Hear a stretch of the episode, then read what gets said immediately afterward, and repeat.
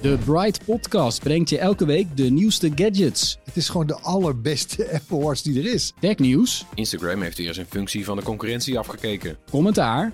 Ik denk van, nou, het is gewoon Volkswagen onwaardig, die, die oplossing. En de beste techtips. Mijn favoriete boek was Helgoland van Carlo Ravelli. Luister de Bright Podcast elke woensdag in je podcast-app. Wat een geweld. Het is zo lekker om naar te luisteren. En ja, zij was een Duitse prinses. Dus die was de Duitse barok en rococo gewend.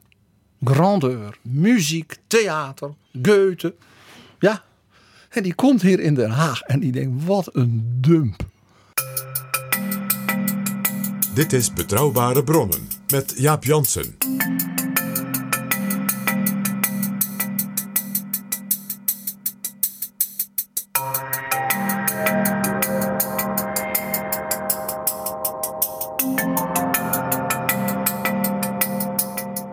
Hallo, welkom in Betrouwbare Bronnen, aflevering 43.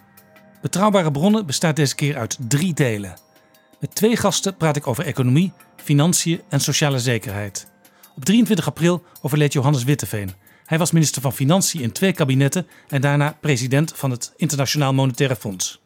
VVD Tweede Kamerlid Jan Middendorp werkt aan een proefschrift over onder meer zijn economisch denken en hij komt praten over de bijzondere rol van Witteveen in de tijd van de naoorlogse wederopbouw.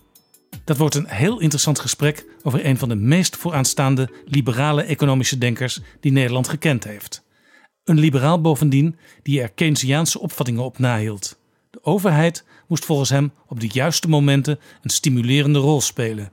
Witteveen stond aan de wieg van naoorlogse instituties als het Centraal Planbureau. Hij was een van de architecten van de welvaartsstaat. Wie zich verbaast over de oproep van premier Mark Rutte aan werkgevers om de lonen te verhogen, en wie zich verbaast over de nieuwe koers van VVD-fractievoorzitter Klaas Dijkhoff om de middenklasse beter te beschermen, straks zal blijken ze staan in een lange traditie waarvoor Johannes Witteveen al tekende. Daarna praat ik met Hans Borstlap, in de jaren 80 en 90 de rechterhand van premier Ruud Lubbers en van de ministers van Sociale Zaken Jan de Koning, Bert de Vries en Ad Melkert. Van hem verscheen vorige week, in samenwerking met de OESO in Parijs, een baanbrekend rapport over de arbeidsmarkt. OESO zijn knappe economen. Die overzien al die rijke industriële landen. Die zeggen in een rapport. Ik, ik, heb, ik herinner me niet dat ik dat ooit eerder van ze gezien heb. Nederland, pas op je zaak.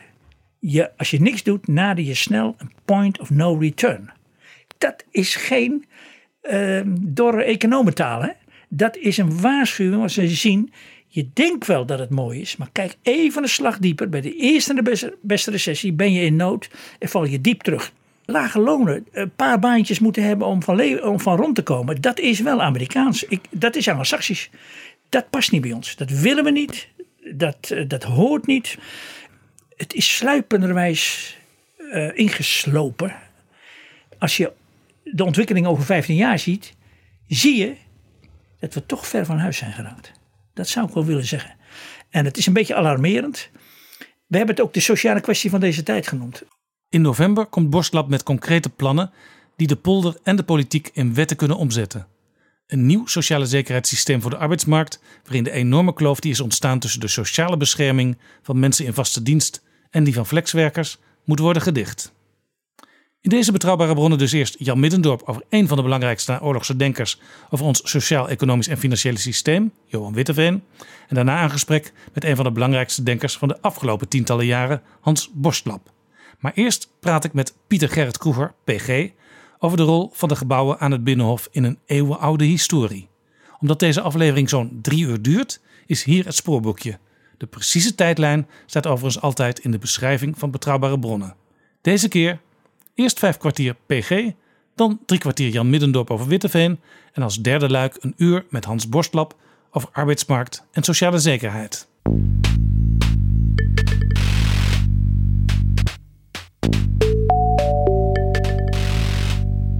Jaap Jansen en Pieter Gerrit Kroeger duiken in de politieke geschiedenis. Welkom PG. Dag Jaap. Vandaag gaan we het hebben over een van de meest omstreden en emotionele dingen op het Binnenhof, het Binnenhof zelf. Laten we even luisteren, PG, naar een moment in 1992 toen de gerenoveerde nieuwbouw, werd het toen genoemd, van de Tweede Kamer in gebruik werd genomen. En als het goed is, dus met mijn vroegere baas, Wim Deetman, als Kamervoorzitter. Dit geeft ons mooi de gelegenheid om even de zaal te bekijken. Het is een duidelijke theatervorm, een hele andere zaal dan de oude Tweede Kamer. De koningin ziet hem nu ook voor het eerst samen met de heer Deetman. Men zit eh, in de zaal duidelijk tegenover de regering. Het spreekgestoelte staat in een soort voetlicht... waarmee eh, de heer De Bruin, de architect, geprobeerd heeft om een soort theater te maken. De heer Alders, de minister van Volkshuisvesting, staat op dit moment klaar. De architect Pieter Bruin stond voor een welhaast onmogelijke opgave. Al deze tekortkomingen moesten in de nieuwbouw worden opgelost, terwijl de goede kanten van het oude gebouw, vooral de intimiteit, ook in het nieuwe gebouw tot uitdrukking moesten komen. De Groningse hoogleraar Vis vertaalde deze intimiteit met een doolhof van gangetjes, nissen, trappen en hoekjes waar achter de hand gesmoest kan worden. Een samengeraapte architectuur die een getrouw beeld geeft van de andere kant van de politiek. De bouwbegeleidingscommissie, die deze moeilijke taak op zich moest nemen, stelde dat de vorm van de Kamer daarom uitdrukking moest geven aan de cultuur van het gesprek. En daarom veel eer intimiteit dan monumentaliteit uit moest stralen. Echter zonder in al te grote huiselijkheid te vervallen. Maar tenslotte gaat het toch om het debat in deze zaal. Deze zaal nodigt daartoe uit. Vanaf dit spreekgestoelte is het kabinet nog net niet binnen handbereik, maar wel heel dichtbij. En feitelijk richt de woordvoerder hier zich direct, bijna in een opstelling van confrontatie tot zijn collega's. En gelijktijdig krijgt de kiezer op de tribune de kans hem of haar die hier staat direct in de ogen te kijken. En ik zwijg toch nog maar over het hekwerk in het midden van de zaal waar een slagorde van interruptanten zich mag opstellen. Meneer de voorzitter, bij de opening van uw nieuwe zittingszaal stel ik mij de vraag of hiermee het einde van een geschiedenis, van een tijdvak in de geschiedenis van de Tweede Kamer der Staten-Generaal is gemarkeerd. Met andere woorden, toegespitst op de positie van de Staten-Generaal, vindt met de opening van deze, deze zaal de parlementaire democratie zijn voltooiing. Dat was 1992. Ja, het is uh, een van de meest opmerkelijke dingen eigenlijk van de Haagse politiek. Dat zodra het over de Haagse politiek zelf gaat, schiet iedereen in de kramp. Of het nou gebouwen betreft, de ondersteuning van Kamerleden, uh, salarissen van ministers, verdienen ze niet te weinig. en vooral verdienen ze niet te veel. Oh ja, dan krijgen we nog de, de, de balken en de norm. Hè, die dan ook ineens aan professoren moeten worden opgelegd. Zodat je een beetje briljante professor uit het buitenland nauwelijks meer naar Nederland krijgt. Kortom, de politiek heeft het altijd moeilijk als het zelf object is van de politiek. Van discussie. Ja, het liefst ziet een deel van de bevolking de politiek in een tent met een gat waardoor het stromende water naar binnen sijpelt functioneren. En dan nog roepen ze, ze luisteren niet naar ons. Het zijn zakkenvullers. Hè? Nou, zo is dus met die gebouwen ook. En zoals in de editie van Betrouwbare Bronnen van vandaag zal blijken, is dat al eeuwen en eeuwen en eeuwen zo. Ook nu weer er is het een renovatieplan voor het Binnenhof en het moet sober en doelmatig. En dan denk ik, ach, ach, ach. Toen de Verenigde Staten werden opgericht. 1787, de grondwet van Philadelphia. Toen werd er een president gekozen, George Washington. En toen zeiden ze, Amerika moet een hoofdstad krijgen. Ergens midden in de woestenij, aan de rivier de Potomac. Niet ver van het woonhuis van president Washington, Mount Vernon. Handig. Juist. Ontwierp een Franse architect, Monsieur L'Enfant, een complete stad. Washington genaamd. En die werd daarna Washington genoemd. Hij zou oorspronkelijk Columbia heten, naar Columbus. Maar toen, na de dood van Washington, besloot men het naar het Washington District of Columbia. Daarom heet dat zo. Die stad werd dus uit het niets gebouwd, met in het hart van de democratie het kapitool. Met die enorme koepel en die trappen en dit. dit. Hoezo sober en doelmatig? Zoals er later in andere landen ook hoofdsteden op deze manier gebouwd zijn. Brazilia. Nou, Nederland is dus heel anders in dit opzicht. In 1230 v- verwierf graaf Floris IV de grond van het Binnenhof. Toen is het dus al begonnen. Het Binnenhof is begonnen als jachtpaleisje. Want de graaf in Holland van die tijd was de eigenaar van het jachtrecht in de duinen. En de duinen waren zeer rijk aan met reeën en konijnen en dit en dit. Dus daar kon, en Enorme fauna. enorme fauna en flora ook, want de grond was ook behoorlijk goed. Eh, en er was natuurlijk water, wat ook heel belangrijk was. En schoon water, het duinwater is schoon water. Word je niet snel ziek van. En eh, ehm, ja, het was hout. Kortom, die plek op die duinheuvel, want dat was het, naast dat water, wat wij nu de Hofvijver noemen, dat was in feite de Haagse Beek. Er was een rivier die daar meer of meer stil hield. En daar was een soort meer ontstaan. Naast dus een duinwal. En die duinwal, de ene heet de Gehoge Vijverberg, de Grote Vijverberg. En daarnaast het Binnenhof. Dat zijn dus twee duinwallen met daartussen een meertje. En daar komt ook de naam Schavenhagen vandaan. Juist. Want Hagen betekent dus hek. Het hek van de graaf. Dat was een om, omlijnd gebied wat van hem was. Waar hij ook als enige rechter kon spreken. Dus de burgemeester van Den Haag had niets te vertellen over het hof. En daarom het woord binnenhof. Dat is binnen die Haag. En het was dus eh, eigenlijk bedoeld als verblijfplaats eh, voor als hij op jacht ging. Ja. Het was dus een, een soort buitenverblijf. Zeker. Het was dus de graaf van Holland die ging daar jagen. En kon daar, als hij dus op jacht was, eh, eh, zeg maar in gesprek met de vertegenwoordigers van zijn provincies, zijn regio's en zijn steden. Want, wa- want wa- waar woonde eh graaf, graaf Floris IV eh, meestal? Waar, waar werkte die? Het interessante is dat ze dus meestal in, in Den Haag resideerden. Want dat werd al heel snel de residentie. Wat je één ding moet je, even een stuk, klein stukje middeleeuwen. In die tijd had een vorst meestal geen vaste woonplaats. Omdat zijn gebieden zo groot waren. Nee, omdat je dan geen eten had. Er was gewoon niet zoveel surplus aan voedsel voor een heel hof. Dus het hof reisde rond. Van pals naar pals. De keizers in Duitsland waren een peripathetisch keizerschap, zoals dat heet. Een rondreizend circus, zouden wij nu zeggen. En die pfalz, het woord pfalz, wat in Duitsland een streek is, maar ook gebouw.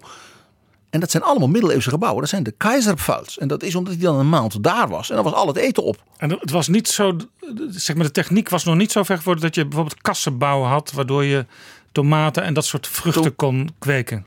Tomaten komen uit Latijns-Amerika in de 16e, 17e eeuw. Nou, dus dat binnenhof was dus een jachtkasteel. Waar dus de graaf met zijn onderdanen ja, kon praten over ja, de besonjes, zoals dat heette. En dus vooral over de belastingen. De graaf zei: Ik moet vanwege de. Ik moet een leger. eh, want ik moet met de, voor de paus hè, naar het Heilige Land. Of eh, ik ga eh, dit doen of dat doen. Of mijn zoon gaat trouwen. En, dat, en dan moesten de steden betalen. En de steden zeiden: Nou, eh, waren we niet van plan. Want we hebben nog van vorig jaar wat toch goed. En er werd dus geonderhandeld. Men ging parleren met elkaar. Daar komt het woord parlement vandaan. Parlement is het praten over de belastingen. En over de rechten van de stad. De stad zei dan: Oké, graaf, u krijgt van ons duizend florijnen. Voor het huwelijk van uw zoon. Maar dan willen wij het markrecht op eieren. Nou, en zo werd er onderhandeld. Zo ontstond dus het overleg tussen de graaf en de bevolking. En dat ging via de steden, via de abten van de kloosters en dus de afgevaardigden van de verschillende gebieden. Ja, en over belasting gesproken. eh, toen langzaam Den Haag een beetje begon te groeien, eh, werd dat ook bevorderd doordat de, de Neringdoende daar in de directe omgeving van het Binnenhof eh, relatief weinig belasting hoefden te betalen. Ze werden dus als het ware gelokt naar die plek om zich daar te vestigen. Er was een zeer bewust vestigingsbeleid, met name ook voor hele chique ambachten. Want een hof had natuurlijk muzici nodig, goudsmeden, eh, kleding, wevers, maar dan wel van zijde. Als je dat allemaal uit Parijs moest laten komen. Hè? Glasblazers. Glasblazers. Dus de, het betere ambacht schaarden zich dus rond een hof. Ik zal je zo, zo vertellen. We hebben een fase dus gehad in de Nederlandse geschiedenis die bijna niemand kent. Dat dus Den Haag en het hof rondom de Ridderzaal. Want die was er toen al. Dus het, tot, zeg maar, het de residentie was van een grootmacht. Waar we in de Nederlandse geschiedenis in onze boekjes nooit over lezen. Maar ik begin, mag ik even iets vertellen over het huidige Binnenhof. Dat het een merkwaardige ratje toe is van hele bijzondere dingen. Die bijna nooit iemand ziet. Ja, als je er rondloopt, wat wij zelf vele malen hebben gedaan. Maar waar ook eh, scholieren tegenwoordig, eh, als ze er oog voor hebben, ja, li- licht door verbijstering bevangen worden omdat het lijkt in eerste instantie allemaal bij elkaar te horen, al die gebouwen op dat binnenhof. Maar eigenlijk zijn het totaal verschillende onderdelen uit hele verschillende perioden. Mag ik het in goed Nederlands zeggen? Het is een ratje toe. Als je nou, ik heb vier dingen waarvan ik zeg dat is alleen only in the Hague. Noem, noem, noem die vier dingen. Eén. Een van de meest on-Nederlandse vertrekken in ons land. Er is een kamer in de toren, zeg maar, aan het Eerste Kamergebouw. En die is in de allerhoogste barokstijl helemaal eh, versierd. Want dat was het woon- en ontvangstvertrek van prinses Mary Stuart. Dus de Britse prinses Mary Stuart, de verloofde en daarna de vrouw van Willem III. Met wie zij later, we hebben het er met Paul Rem een tijd geleden over gehad, koning en koningin van Engeland werden. William en Mary. William en Mary. Die Mary moest natuurlijk wel een beetje op stand ontvangen kunnen worden. En wel in de modernste stijl. Niet van die oude meuk uit de middeleeuwen. Dus er is een kamer verbouwd in die toren. En die is helemaal gedecoreerd met prachtige wandverschilderingen naar het leven van Alexander de Grote. Want dat was in die tijd hip. Ik denk dat ik daar zelf nog nooit geweest ben in die kamer. En toch zien wij hem vaak op de televisie. Want daar ontvangt de informateur de fractieleiders. Oh nee, dan ben ik er wel geweest. Tweede voorbeeld van iets dat je denkt, hoe bestaat het? De Tweede Kamer beschikt over een hypermoderne bibliotheek. Althans, dat was hypermodern in 1870. Een van de meest spectaculaire, gietijzeren, neogotische eh, zeg maar, dingen in Europa. Dat is een, in die tijd, 1870, was dat dus de nieuwste stijl. En gietijzeren dingen, helemaal ja, in elkaar gezet, was dus, denk aan de Eiffeltoren, was dus extreme moderne technologie. Ja, het is inderdaad het pronkstuk van het Binnenhofcomplex. Eh, daar worden altijd, als mensen worden rondgeleid, wordt ook altijd even gekeken of de sleutel van die kamer beschikbaar is. Want het is gewoon een hele prachtige. Daar staan nu ook tegenwoordig de handelingen eh, van, van de kamer in. Met één gat in de muur voor de jaren 40, 45.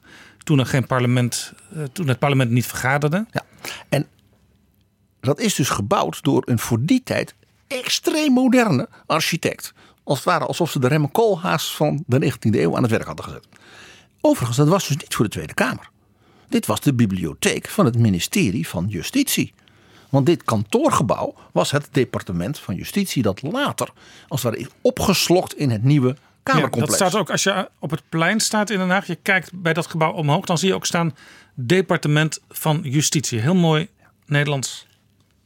met allemaal portretten van de grote denkers over het recht, Hugo de Groot en dergelijke, en twee heren van die tijd. Nou, de Kempenaar en Thorbecke. De twee makers, min of meer, van de grondwet van 1848. En die zijn geëerd doordat hun hoofd daar in de muur is gedaan. Het waren dus mensen die in feite in die tijd nog leefden. Dat is heel bijzonder. Nou, eh, de mooiste werkplek van Den Haag is in datzelfde gebouw. En dat is een politicus die daar mag werken. En dat is dus niet Mark Rutte. Dat is Pieter Heerma. De fractieleider van het CDA heeft de allermooiste kamer van het Binnenhof. Want je had het over justitie. Dat was vroeger natuurlijk de kamer van bijvoorbeeld minister Dries van Acht. En daarvoor, vanaf 1870, de vergaderkamer van de ministerraad. Die vergaderde daar op het ministerie van Justitie. Want de minister-president was in die tijd een nog niet bestaande functie. De ministers kozen uit hun midden iemand als hun voorzitter. En dat werd elk jaar gedaan. Dat was altijd Thorbecke als hij minister was. Ja, en die zetelde toen in het torentje. Wat ook interessant was, want pas veel later ging de minister-president daar weer zitten. Eh, Lubbers deed dat voor het eerst. Juist, want, want het torentje was dus het werkvertrek van de minister van Binnenlandse Zaken. Maar overigens pas sinds Thorbecke. Thorbecke heeft, lag niet de secretaris-generaal van Binnenlandse Zaken uit het torentje verjaagd. Toen hij minister werd. Ja. Heeft hij gezegd: Dit is mijn kamer, ik ga hier werken. Die arme man heeft dus elders op het Binnenhof een werkplekje moeten vinden. En onder die kamer waar de tegenwoordig de minister-president zit en toen Thorbecke, is ook een vergaderzaal. Maar ja, die is natuurlijk te, te klein voor alle ministers. Zeker als de ministerraad wat groter is en als er misschien ook nog een paar ja. uh, ambtenaren bij zitten. Dus in de, wat nu de werkkamer van Pieter Heerma is, dus tot voor kort van Sibrand Buma. Daar vergaderde dus de ministerraad. En daar is een beroemd verhaal als je in die kamer kijkt. Die kamer heeft twee grote haarden, want het moet warm gehouden worden.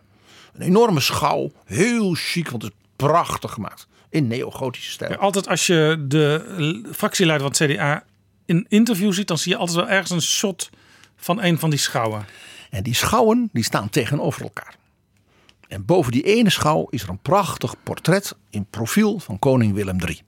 En naar die andere schouw een prachtig portret in profiel van koningin Sophie, zijn vrouw, de prinses van Württemberg. En het verhaal ging dat de ministerraad altijd met een hele lange tafel tussen die twee in zat om te voorkomen dat ze elkaar gingen slaan. Het was het meest notoir slechte huwelijk in de Nederlandse koninklijke geschiedenis. Doet mij denken aan zo'n tekening in het uh, blad De New Yorker, waar je soms ook twee mensen aan een hele lange tafel ziet zitten, uh, echtgenoten. Die dan waarschijnlijk geen woord met elkaar wisselen tijdens dat diner. Het probleem was dat deze mensen dus wel woorden met elkaar wisselden. En dat moesten de ministers voorkomen. Nou, dan het vierde bijzondere ja, ding. Dan misschien nog één klein dingetje, want dat viel mij op toen ik voor het eerst in die kamer was. Als je naar het plafond kijkt, dan zie je ook doodskopjes verwerkt in het hout. En dat is natuurlijk omdat het recht gaat over leven en dood. Want we hadden een doodstraf. Ja. Nou, het vierde unieke ding, wat je zeg maar, wat je zegt van hoe bestaat het dat dat er is op het Binnenhof? Dat is misschien wel het mooiste en het meest bijzondere plafond van enig ander parlement. Van enig parlement op aarde. Nog een keer. Dat is misschien wel het meest bijzondere plafond van enig parlement op aarde. Dat durf ik wel te zeggen. Dan, gaan we, dan heb je het denk ik over de Eerste Kamer die ja, daar nu zit. De Eerste Kamer vergadert namelijk in de oude zaal waar de Staten van Holland. Dus voordat het Noord- en Zuid-Holland gesplitst werden, hadden die dus één provincie. En dat was natuurlijk de machtigste van allemaal. Dat was de helft van de bevolking van de republiek. En natuurlijk ja, met al die rijke handelssteden. Het was zeg maar, misschien wel 75% van het BBP. Het was in feite ook als ze het in de wereld over Holland hadden, dan hadden ze het eigenlijk over dat gebied. Juist. Met dus steden als Rotterdam, Leiden, Gouda, Haarlem, Amsterdam, Alkmaar, Enkhuizen, Medemblik. Dat waren allemaal hele belangrijke steden. En ik zeg dus niet Den Haag, want Den Haag was geen stad. Dat was een dorp. Den Haag had geen enkel recht. Het enige recht dat Den Haag was, was dat het chic was en dicht bij, bij de macht. Maar verder niks. Waarom is die, dat plafond zo mooi? Dat is iets heel bijzonders. Dat is een enorm namaaklandschap. Wat heeft de schilder gedaan? Dat is een typisch 17e eeuws iets. In de barokstijl. Hij heeft een open hemel geschilderd. En een balustrade langs de rand. Het is dus als het ware alsof het dak open is daar. En daar mensen lopen. En die kijken naar binnen. Belangstellend en wijzen naar elkaar. En praten met elkaar over wat daar binnen in die zaal zogenaamd gebeurt. En wie zijn die mensen? Dat is de hele wereldbevolking. Want je ziet daar Turken met tulbanden uit de Levant. Je ziet Indianen uit Amerika. Je ziet Russen. Je ziet Italianen in hun allermooiste, ja, prachtig. Facciata la bella figura. En vooral ook, vooral ook kinderen. Hè? En kinderen en vrouwen. Maar volkeren van de hele wereld. En die kijken dus naar de machthebbers ja. van Holland. En ik begrijp dat er ook, ook vooral kinderen zijn. Vanuit het idee, zij kijken naar hun toekomst die daar vorm wordt gegeven. De hele wereld kijkt naar hoe Holland wordt bestuurd. Ik ken geen ander parlement in de wereld waar men dit überhaupt heeft bedacht. Dit idee van het open parlement kom je dus in Italië in veel zeg maar, vorstelijke uh, uh, uh, renaissancepaleizen tegen. Onder andere in het heel beroemd in het, het paleis van Mantua.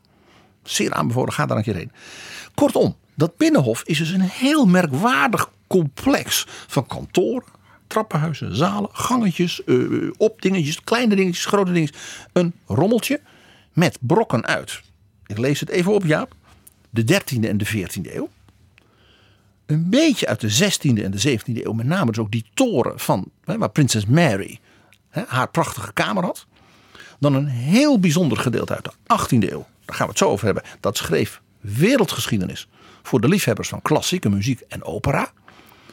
Een enorme hoop 19e eeuwse, mag ik zeggen, fantasiegebouwen in neo-romaanse, neo-gotische en neo-renaissance stijl, waaronder de Ridderzaal. En een herbouw uit de 20e eeuw met een soort herinvulling van de complexen door de architect Piet de Bruin. Wacht, maar wacht even, de, de Ridderzaal is niet 19e eeuws. Ja, zeker is die 19e eeuws. Dat is namaak. Dat is een zogenaamde restauratie. Kijk maar naar plaatjes van de, van de Ridderzaal en die torens voor die restauratie. Die torens zagen er heel anders uit. Dit is neo-Romaanse fantasiearchitectuur.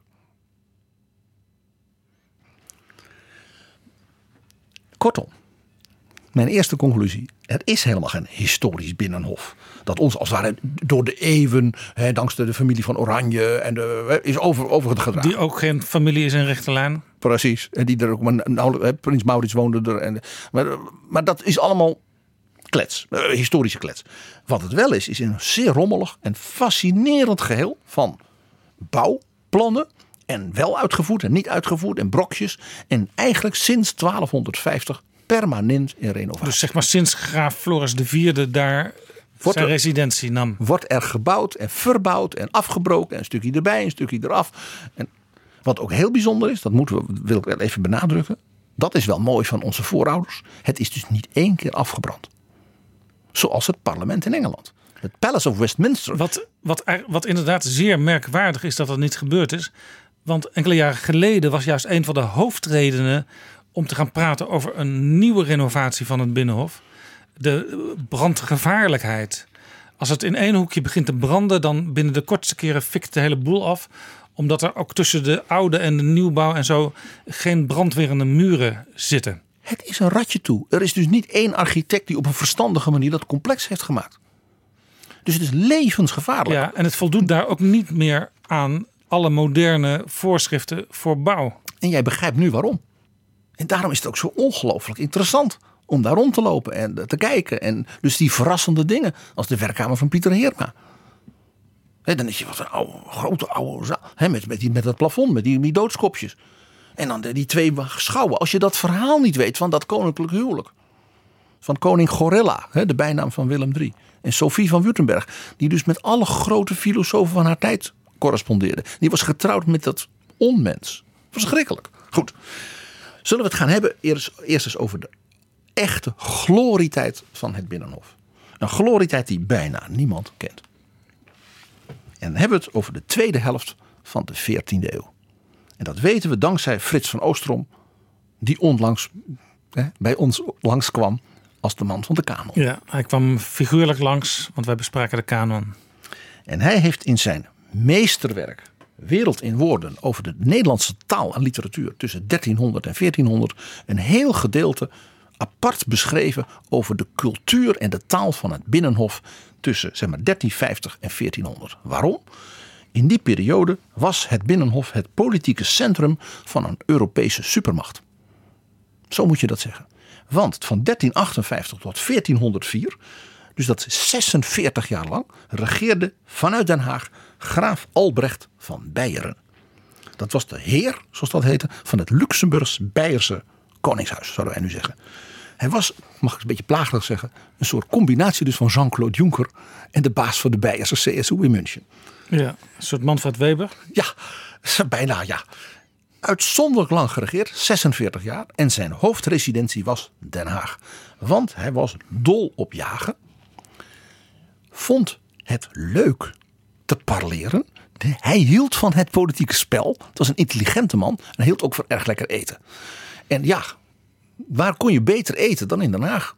In die duinen, met die lekkere vis, met, al, met, die, met dat jachtvlees, met, met de groenten. En, en eh, 1358, wat voor taal sprak zo'n Albrecht als hij in Den Haag was? Nederlands. Want hij, hij, hij kwam natuurlijk uit Beieren. Ja. Maar het Beierse huis, om je het idee te geven waarom ik zei het was een supermacht. Hij beheerste dus wat nu Beier is en Tirol. Dat betekent dus al die Alpenpassen. Dat betekent dus geld. Inkomsten. Ja, dus rijk. Hij was geweldig rijk. Beieren betekende ook de Pfalz in Duitsland langs de Rijn. Nou, Rijntollen, wijn, zeer rijk gebied. De- Denk aan steden als Worms, Speyer. Nu nog een van de rijke delen van Duitsland. Dan Luxemburg, maar dat was niet Luxemburg van nu. Dat was een heel groot Grote deel. Luxemburg. Groot Lo- Lotharingen. Luxemburg, zeg maar de, de, de Moezel. Het Belgische deel. De Moezel. En bijvoorbeeld dingen als Henegouwen. En dan was hij dus ook nog de heer van Holland. Wat dus een rijk handelsgebied was. Kortom, het geld kwam als water bij de Hij sprak dus, als hij hier was in Den Haag, dan sprak hij Nederlands. We weten heel veel over hem. Dankzij het onderzoek van Frits van Oostrom. Zo kennen wij de namen van zijn favoriete medewerkers en ambtenaren. Hij had een briljante jonge priester. Die heette Dirk van Delft. En die heeft hij dus met geld van hemzelf. Hij had dus echt heel veel geld. Laten studeren in Keulen. En ja, want die was heel begaafd. Al heel jong. Was dus van de Latijnse school. Met 13 werd hij naar de Universiteit van Keulen gestuurd. En dat was de top hè, in Europa in die tijd. En die heeft hij dus zijn hofprediker gemaakt.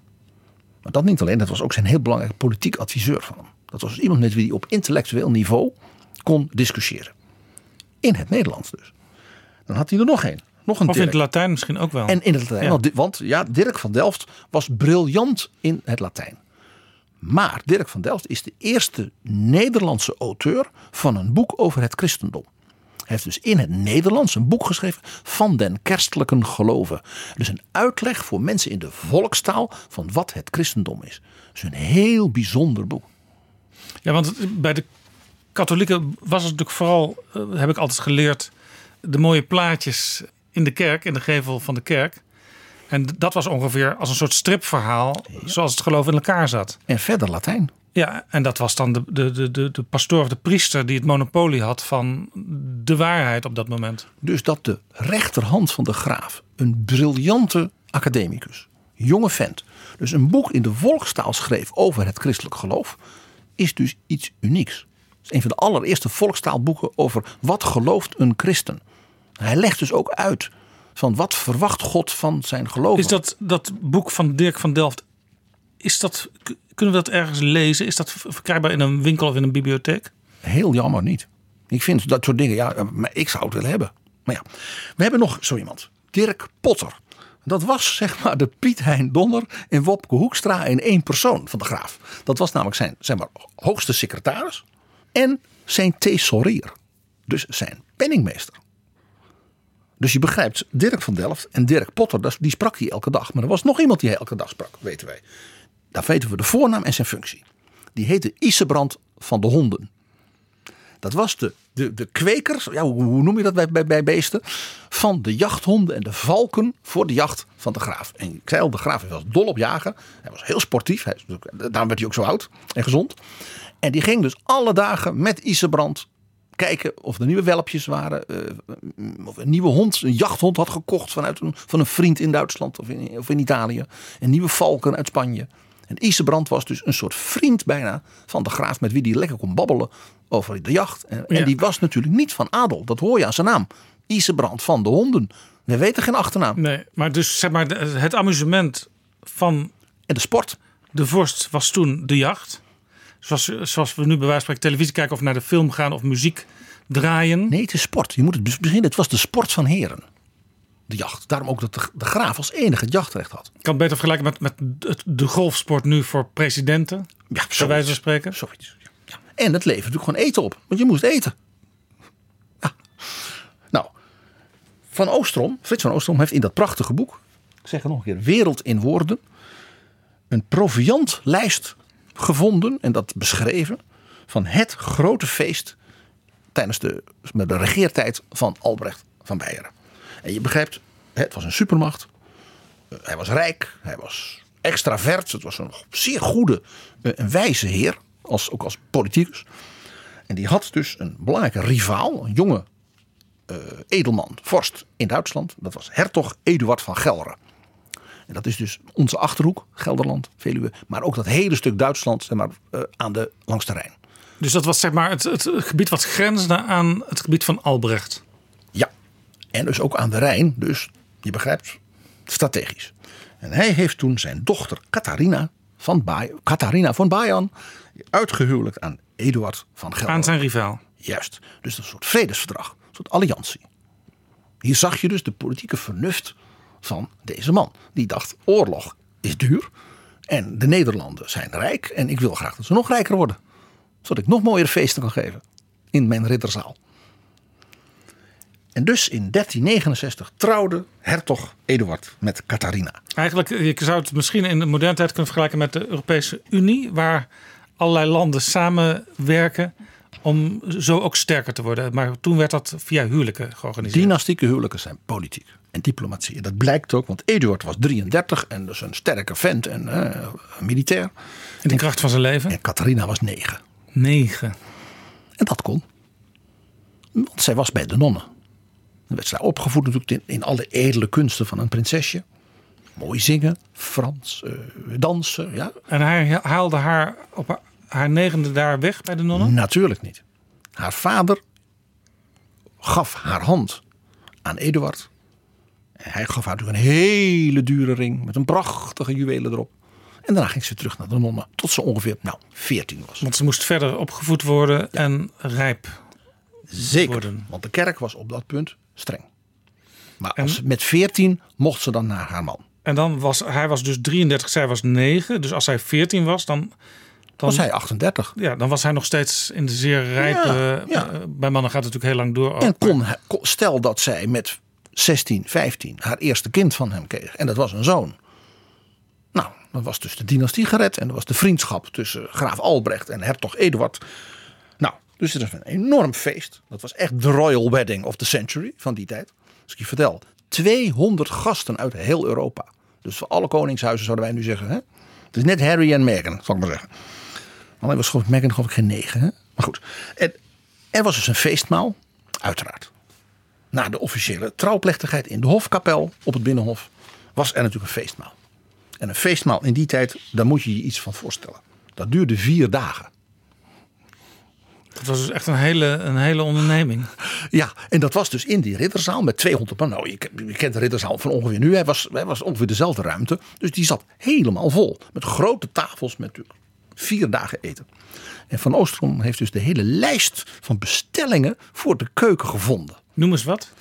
Nou, eh, op dag twee, wat hoogtepunt van culinaire kunsten van die dag, was het gerecht mameni. En dat was iets heel bijzonders uit de Arabische keuken. Dus de koks in van het Binnenhof kookten Arabisch. En dat was een gerecht, dat was een lievelingsgerecht. Dat, zou, dat vinden we nu eigenlijk nog steeds heel modern. Dat je Libanees eet bijvoorbeeld. Ik, ik, ik zeg er verder niks over. Dat was het lievelingsgerecht van Sultan al-Mahmoud van Bagdad uit het jaar 850. En dat recept werd dus door alle vorsten in Europa. Natuurlijk was dat via Spanje. Ja? Ja. En dat was dus, als je dat kon koken, ja, dan was je, dat was, dat was chic. Grote chic. Dus de tweede dag van het huwelijksmaal van de vier dagen. Nou, we weten dus, ik zal ik je een paar ingrediënten die de, die ze heeft besteld, de graaf voor dit feest. Ze heeft uit Zeeland 2000 eieren en 4 tonnen haring laten komen. De stad Amsterdam leverde hem 27 vaten bier. Amstel, zullen we maar denken. Hij had zelf viskwekerijen vlakbij Den Haag, namelijk bij Pijnakker. Daar werd dus zoetwatervis, zouden wij zeggen, dus gekweekt. En dus geserveerd. Dat was dus heel vers en dus gezond. En ja, het was wel een man met smaak. Want uit Brie in Frankrijk importeerde hij voor dit feest 72 grote kazen. Ja, Albrecht van Beieren was een liefhebber. Die wist wat lekker was. Interessant. Het binnenhof van Albrecht. Hè? Dan denk je, ja, een middeleeuwse jachtding. En als ik je vertel. Als hij nu vandaag zou zeggen, wat interessant dat verhaal van Betrouwbare Bronnen. Ik kom even terug. Hij zou het binnenhof van nu onmiddellijk herkennen. Want een aantal gebouwen of delen van gebouwen die staan er nog. Ook de hele opzet was zoals zijn hof. Zijn binnenhof met buitenhof. Dus zeg maar de randen, die, die, die, dat was ongeveer al zoals het nu Langs is. de hofvijver, hè, die er toen ook was, daar waren dus de kantoren van zijn ambtenaren. Daar was ook zijn harnaskamer. Ik heb een plattegrond uit het boek van Frits van Oostrom. Die gaan wij toevoegen, PG, aan de Facebookpagina van Betrouwbare Bronnen. En we zetten hem ook op Twitter. Nou, die plattegrond bekijkt hij. En dan zie je dus dat de grote zaal, zoals dat heette, van de graaf, dat is wat nu de ridderzaal is. Dan had je ook nog de oude zaal, want die was daarachter. Die is er ook nog steeds. Die heet nu de rolzaal. Nou, naar de wetsrollen die daar werden opgeslagen. Ja, en Later. daarvan begrijp ik trouwens dat dat ook, eh, die rolzaal ongeveer de eerste plek was waar gewoond werd. Exact, de oude zaal. Ja, dat heette toen al de oude zaal in zeg maar, 1375. Dan had je nog langs de oever van de, van de Hofvijver, dus al die kantoren, precies zoals nu. De graaf zou zeggen, oh, algemene zaken, de Rijksvoorlichtingsdienst, eh, de, de Eerste Kamer, de Raad van State gebouwen. Eh, ja, dat was in mijn tijd ook zo. Ja. Dat is toch fascinerend? Ja, torentje. Het torentje was er nog niet. Maar hij zou het herkennen. Dat als middeleeuws gebouwtje. Dan, wat misschien ik persoonlijk het allerleukste vind. Wat hij ook zou herkennen, was de achterkant van de ridderzaal. Daar heb je dat poortje. En daar heb je wat wij nu kennen als het plein. Graaf Albrecht zou zeggen, ah, het plein. De oude kooltuinen. Dat waren dus de groentetuinen van de graaf. En die waren precies in het formaat zoals het plein nu nog is. Er was een omheinde groentetuin. En daaromheen waren herbergen voor de spionnen, de, am- de lobbyisten, de mensen die kwamen parleren met hem over de belastingen van de stad Medemblik. En de, de, de, de, de, de gezant van de paus. En de hoeren die er natuurlijk ook waren. En de spionnen. En de journalisten zouden wij zeggen. Het is krek het binnenhof van vandaag. Dus, dus in die zin eh, staan we echt wel in een traditie. Het is heel bijzonder dat dat dus gebleven Als je nu is. de Tweede Kamer uitloopt, dan kom je op het plein terecht. Dan zie je daar de journalisten, de lobbyisten. De eeuwige jachtvelden. Hè, mijn, mijn favoriete tent. Ja, en het Berger. heette toen nog niet zo waarschijnlijk. het heette maar, de oude kooltuinen. Ja. Maar, de, maar, de, maar graaf Albrecht staat onmiddellijk herkennen. Is dat niet mooi? Nou, eh, ook leuk. Hij was jong en, ja, en hield van sport. Hè, en hij hield dus ook van dansen. Dus hij heeft in zijn jeugd, toen was hij dus nog niet officieel graaf, maar een soort kroonprins, is er dus een balzaal gebouwd op de plek waar nu zeg maar het kantoor is van de mensen van de Rijksvoorlichtingsdienst. Dus de staf van Mark Rutte. Ja. En dat was, de, dat was dus de nieuwe zaal, ook wel de balzaal genoemd. En je zult merken straks dat een balzaal in de geschiedenis van het Binnenhof een hele bijzondere rol speelt. Dus ook door de eeuwen was dat vertoon van chic, ja, van ontvangsten en zingen en dansen. Dat was dus toen ook al belangrijk. Je Ja. komt tot een tweede conclusie.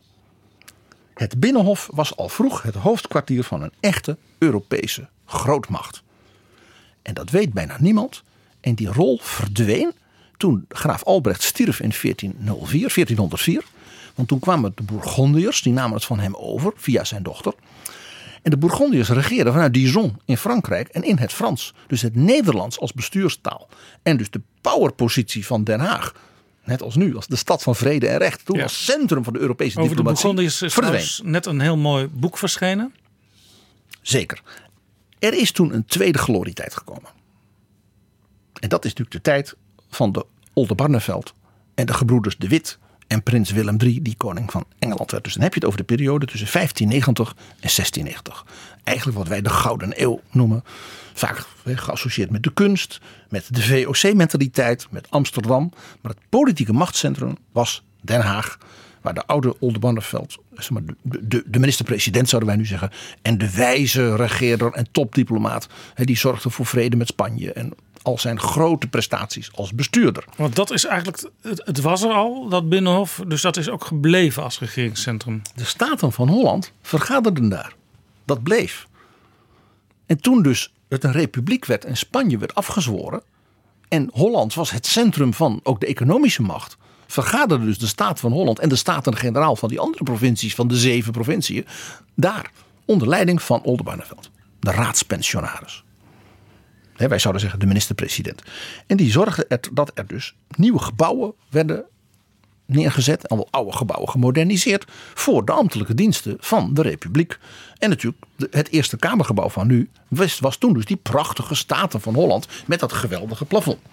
Dat was ook een symbool van de macht van de Staten van Holland. En toen, toen er werd bijgebouwd in die tijd, had men het toen ook al over sober en doelmatig? Eh, nou, niet helemaal. Eh, en ik ga nu een voorbeeld geven. In de 18e eeuw, toen was het, waren ze de glorietijd van de Republiek een beetje voorbij. Toen hebben we bijna 40 jaar lang natuurlijk het zogenaamde tweede stadhouderloos tijdperk gehad. Dus er waren er geen oranjes op de troon, want die waren uitgestorven. En toen hebben ze rond 1750 de familie Nassau, die dus als zijtak van de Oranjes regeerde in Friesland. Gevraagd, wilt u Zo goed zijn om het ook hier te komen doen. Ja. Dat zijn dus de bekende Willem IV en Willem V. En die waren, laten we maar, de sterke man in, in, in die periode was een vrouw. Dat was Anna van Braunschweig. Dat was een Duitse prinses en dat was een powerwijf. Om het maar even zo te zeggen. Ze had bovendien een neef, dat was een generaal. En dat was de militaire chef. En zij regeerde dus eerst voor haar man. En daarna voor, toen hij stierf, als regentes voor hun zoon. En ja, zij was een Duitse prinses. Dus die was de Duitse barok en rococo gewend. Grandeur, muziek, theater, Goethe. Ja, en die komt hier in Den Haag en die denkt, wat een dump.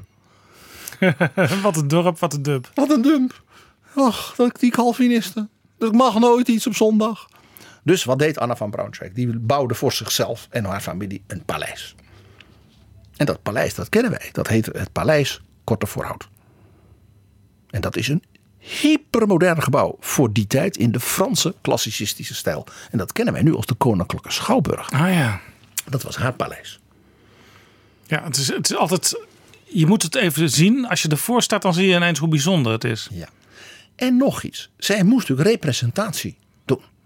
Als de nieuwe heren van de Republiek. Van de familie Nassau. Dus, en ze had een heleboel dochters. En die moesten aan de man gebracht worden. Dus zij bouwde op het Binnenhof. Dus een heel stuk werd afgebroken. En een klassicistisch portaal. Groot ding.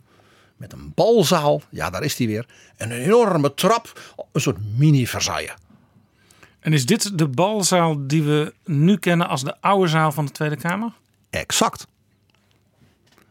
En wie heeft daar gespeeld ter gelegenheid van de 18e verjaardag en dus het aantreden als volwassene en stadhouder van de zoon van Anne van Braunschweig, prins Willem. Zij wilde natuurlijk de top, want zij wilde laten zien, de Oranjes, de familie Nassau telde mee. Dus niet zomaar een of ander iemand, maar de absolute top van de muziek. Ja, prins Willem was de kroonprins. Die moest nog even wachten tot hij daadwerkelijk de baas kon worden. Ja, en zijn moeder, toen hij dus de baas werd, toen hij 18 werd, wou ze even laten zien dat zij dus die familie weer op de troon had gezet. Hè, En dat ze niet van de straat waren. En ze was niet van de straat, Anna van Braunschweig. Dus zij stuurde een brief naar Salzburg, naar Leopold von Mozart.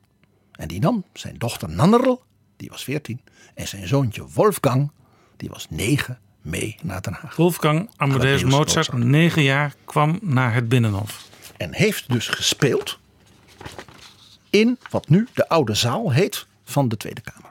En het is natuurlijk een driewerf schande dat er geen mooie plaketten of een beeld of iets dergelijks is dat herinnert aan dit natuurlijk in de wereldgeschiedenis van muziek en opera unieke moment. Daar komt bij. Wolfgang Amadeus Mozart is heel erg ziek geworden in Den Haag. Overigens net als zijn zusje. En had tyfus. Dat was dus dodelijk. Zeker voor een kind. Maar gelukkig Anna van Braunschweig had een Duitse professor als arts. En zij heeft die man dus naar het, de herberg gestuurd van de Mozarts. En dat kind genezen. De hofarts kwam helpen. Als zij dus dat niet had gedaan, was dus de kleine Mozart gestorven. Als negenjarige hadden we nooit meer van hem gehoord. Want met elf schreef hij zijn eerste opera. Apollo und Hy- Hyacinth. Hij heeft ook als dank voor zijn genezing een sonate geschreven met variaties op de melodie van het Wilhelmus. Dat is interessant. Ja. Die, dat, ik zou het interessant vinden als we die noten eens kunnen vinden. Daar gaan, we gaan we ons best voor doen. Het leuke was, eh, Leopold van Mozart kende de Oranje-familie al. Die Nassau-familie. Waarom? Prinses Carolina, de oudere zus van prins Willem, had het muzikaal talent via haar moeder van het huis Braunschweig en Hannover. En Anna van Hannover was koningin van Engeland. En een vriendin ook persoonlijk van Georg Friedrich Händel, de Duitse componist. De grootste Duitse componist van die tijd naast Johann Sebastian Ja, ja, Bach. we hebben het al vaker aangestipt in betrouwbare bronnen. Eh, de elite in die tijd, eh, die kende elkaar, want die reisde door Europa. En zowel zeg maar, de vorsten als ook de, de kunst- en cultuurmensen die, die ontmoeten elkaar. Carolina was een prachtige operazangeres, speelde piano En een vriend van haar, de hertog van Chesterfield uit Engeland, die zei: Het is een musical prodigy, een wonderkind. Mozart heeft dus zelfs voor haar enkele aria's gecomponeerd. Dus concertaria's, niet opera, maar die je dan kon zien. Zo begaafd was zij. Dus het was voor de familie Mozart, dus vader, dochter en zoontje, dus een buitenkans om bij deze prinses en bij het feest voor haar jongere broer uitgenodigd te worden. Dus het was een grote eer. En ze hebben dus opgetreden, eh, eh, onder andere dus in het paleis Korte Voorhout, wat dus nu de Schouwburg is. En in de, met het orkest van de Hofkapel, verrijkt met nog allemaal andere solisten van mensen die in Den Haag speelden, in de balzaal. Met als dirigent Christian Ernst Graaf, een Duitse dirigent, natuurlijk, een kapelmeister. Met de kleine Mozart op de piano en het viool. Dus meer dan wij misschien tot nu toe beseften. Als je daar loopt in die oude zaal, dan loop je echt op heilige grond. Voor muziekliefhebbers en operaliefhebbers is dit heilige grond. Mag ik even voorlezen wat de Leidse Courant van 20 september 1765 over dit concert De Leidse Courant. Tegenwoordig bevindt zich al hier de beroemde muzikant J.G. Wolfgang Mozart van Salzburg. De welke maar acht jaren oud is. Zijn vader hield van een beetje eh, li- liegen. Het is net eh, de Jacksons. Hè? En op een wonderbare wijze de moeilijkste concerten en solo's van de beroemdste meesters, zoals ook verscheiden van zijn eigen composities executeert. Deze jonge muzikant heeft zijn uitmuntende gaven aan het stadhoudelijke hof etc. laten horen en de verwondering en goedkeuring van een ieder weggedragen. Je begrijpt als muziekliefhebber, het ontroert mij, deze gedachte. Ja. En ik begreep ook dat. eh, We- Weet je trouwens wat het kostte als je naar een concert van Mozart wilde? Drie gulden. Dat was dus heel veel geld. dat was veel, hè? Ja. En waar kocht je dat? Bij de herberg waar vader Mozart logeerde van hemzelf. Hij had dus kaartjes bij zich. ja. Geweldig. Wat prachtig. En ik begreep ook dat op een gegeven moment, als er dan zo'n feest was, waar de jonge Mozart eh, achter de piano zat, kon je op een gegeven moment ook verzoeknummers indienen. Zeker, zeker. Eh, zal ik even, want ik heb een tekstje op dat punt. Dat is echt buitengewoon leuk. Buitengewoon leuk. Hier. De Schravenhaagse Vrijdagse Courant. Dus het was een weekblad. Zeg maar het Vrij Nederland van de 18e eeuw. Dat is nu tegenwoordig een maandblad helaas. Maar ik dacht even aan onze vriend Max. Van 27 september 1765. Een groot verhaal met Leopold Mozart. Een soort interview zouden wij nu zeggen. Met deze grote kunstenaar. En hij kondigt haar aan dat zijn dochter en zoon van 8 jaar en 14 op het klaversymbol zullen spelen in de Oude Doelen. En een groot concert openbaar. En dan kon je kaartjes verkopen. Dus dit was gewoon marketing. Wat waren de oude doelen? Dat was een, een ding in, eh, hier in Den Haag. En dan beschrijft dus die krant... het publiek kan verzoeknummers vragen. Oud, maar acht jaren en acht maanden... benevens zijn dochter, oud, veertien jaren. Zo sch- beschrijven ze dus Leopold Mozart. Concerten op het klaversymbol zullen zij executeren. Alle die ouvertures zullen zijn van de compositie van die jonge componist, die nooit zijn weerga gevonden hebben. De goedkeuring van de hoven van Wenen, Versailles en Londen heeft weggedragen. De liefhebbers kunnen naar hun plezier hem muziek voorleggen. Hij zal het zelf alles voor de vuist spelen. Dus als iemand dan zelf een muziekstukje had gemaakt of een lievelings aria van Hendel had. En dat, dan ga- gaven ze dat de kleine Mozart. Die zette dat op zijn. En zonder te kijken speelde dit gewoon zo weg. Hoefde niet te oefenen. Geweldig. Hij was een wonderkind. En ja, dat was natuurlijk, hij was een, een bezienswaardigheid. Nou, dus toen hij ziek ziek was en de prinses hem dus liet, hielp genezen. Toen hebben ze hem uitgenodigd om te spelen. En dat is wel heel bijzonder. Als op het feest voor de installatie, zoals dat heette, dus van prins Willem als 18-jarige, als stadhouder. En daar hebben we dus een beschrijving van dat feest van Leopold van Mozart in de brieven aan zijn vrouw. En die schrijft dat, dat de- Den Haag in volle glorie was. En hij zegt vooral die erstaunliche illumination van 6000 lampionnen. Van het hartje van Den Haag. Dat had hij zelfs in Salzburg nog nooit gezien. En ze zijn dus nog weken in Den Haag gebleven. Hebben nog een aantal keren dus gespeeld in die balzaal. En uiteindelijk zijn ze met de trekschuit naar Utrecht. En daarna teruggegaan naar Salzburg. Mooi verhaal. Prinses Carolina, die zo muzikaal was, heeft Mozart later in zijn leven nog meerdere keren bezocht op haar paleisje in Nassau-Weilburg in Duitsland. En daar schreef hij dus ook aria's voor haar. Geweldig Dit is een stukje binnenhofgeschiedenis. Ik zou zo hopen dat bij de verbouwing die nu plaatsvindt, dat men dus die oude balzaal in zijn 18e eeuwse glorie, natuurlijk in 21e eeuwse stijl, laat een jonge glaskunstenaar een soort luchters ontwerpen en dat men aan een van de wanden iets doet met ja, de herinnering aan Wolfgang Amadeus Mozart. Ik vind dit iets waar Nederland zo trots op kan zijn. Ik vind het wel mooi dat je dan zegt, eh, het, moet, het hoeft niet per se terug in de stijl die het in een bepaald jaar was. Maar je moet wel het idee van hier was ooit een van de grootste componisten die we En het zag er ongeveer hebben. zo uit. De kleuren van toen was eigenlijk wit en goud. En bijvoorbeeld de vloer. Maak, laat een jonge Het is overigens nu, het is nu wit, wit en goud, maar een, een soort geschilderd marmer. Dat zie je pas als je er staat. Maar dat past wel. Op televisie ziet het er als marmer uit, maar in werkelijkheid is het een beetje flauwekul eigenlijk. Maar dat is typisch Hollands. Sober en doelmatig. En, en bijvoorbeeld de vloer. Maak daar nou weer een 18e eeuwse dansvloer van. Dus echt mooi strak hout. Mooi hout. Laat een jonge designer iets moois ontwerpen. Met een rococo eh, eh, motieven. Het is iets waar, laat Nederlanders er nou toch een beetje trots op zijn. Wie kan dat zeggen? Dat het wonderkind Wolfgang Amadeus Mozart wekenlang daar gewerkt heeft, gespeeld heeft. Hè, met een prinses die ook nog zo muzikaal begaafd was. Wat een voorbeeld voor de prinsessen van nu.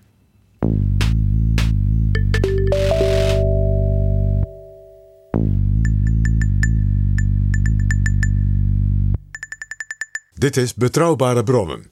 Een wekelijkse podcast met betrouwbare bronnen. Zullen we het nu hebben over de grote gemiste kans van het Binnenhof? Het jaar 1863. 1863, dan, dan zitten we inmiddels in de tijd van Thorbecke. Die De was toen premier. De grote grondwetgever. De- 1848 was de dat. Politiek leider van Nederland zeg maar, in de tweede helft van de 19e eeuw. Die ook nog eh, eh, op de dag van vandaag alom geëerd wordt. Eh er hangen schilderijen van hem, de borstbeelden. En volkomen terecht. Eh, dat, zoals Mark Rutte ooit zei, Nederland heeft drie staatslieden gehad. Op één Johan van Oldenbarneveld, op twee Johan de Wit en op drie Rudolf Thorbecke. Volkomen correcte eh, historische volgorde wat mij betreft. 1863, daar wil je het over hebben. Ja, en we gaan nu naar de datum 15 oktober van dat jaar. Thorbecke en zijn kabinet publiceert volkomen onverwacht een officieel stuk. En niet zomaar een stuk, een koninklijke boodschap. En dat is omdat die dag het de 50ste verjaardag was van de slag bij Leipzig. En denk je, wat moet ik nou met de slag bij Leipzig? Iedereen begreep dat. De oom van koning Willem III versloeg toen Napoleon. En die oom was tsaar Alexander I. Want de moeder van Willem III was zijn lievelingszus Annette, die wij kennen als Anna Paulowna. Anna Paulowna. En haar andere broer was dus tsaar Nicolaas I, het voorbeeld van Vladimir Poetin. Dus er was iets aan de hand als je op die bijzondere datum een boodschap Een koninklijke boodschap. verspreidt. Dus dat was een boodschap van de regering, dus getekend door Thorbecke. Maar door deze titel wist iedereen, dit is iets wat de koning wil mededelen. En daarin stond dat de koning had besloten een paleis voor de Staten-Generaal te schenken aan de Tweede Kamer. Als eeuwig symbool, en ik citeer nu uit die brief, van het grondwettig verbond tussen ons stamhuis en het Nederlandse volk sedert 1813. Dus zeg maar, toen de Fransen vertrokken waren en Oranje terugkwam. de Oranjes het overnamen. En dat wilde Willem III, de kleinzoon van Willem I, de zoon van Anna Paulowna en Willem II, en dus de neef van zowel tsaar Nicolaas als tsaar Alexander, de grote bevrijder van Europa, zo zag hij zichzelf op. Ja. Dus het 50 jaar bestaan zeg maar weer van de nieuwe orde. Zo is het. Zou met een paleis voor de Staten-Generaal Bezegeld worden. worden. En de koning schonk dus als een echte tsaar aan het volk een paleis. Wat ik interessant vind is dat Thorbecke, die zien wij toch een beetje als de grote democratiseerder. Die doet hier samen met de koning iets wat je misschien niet van Thorbecke meteen zou verwachten. De koning, Thorbecke was een politicus. Cut your losses.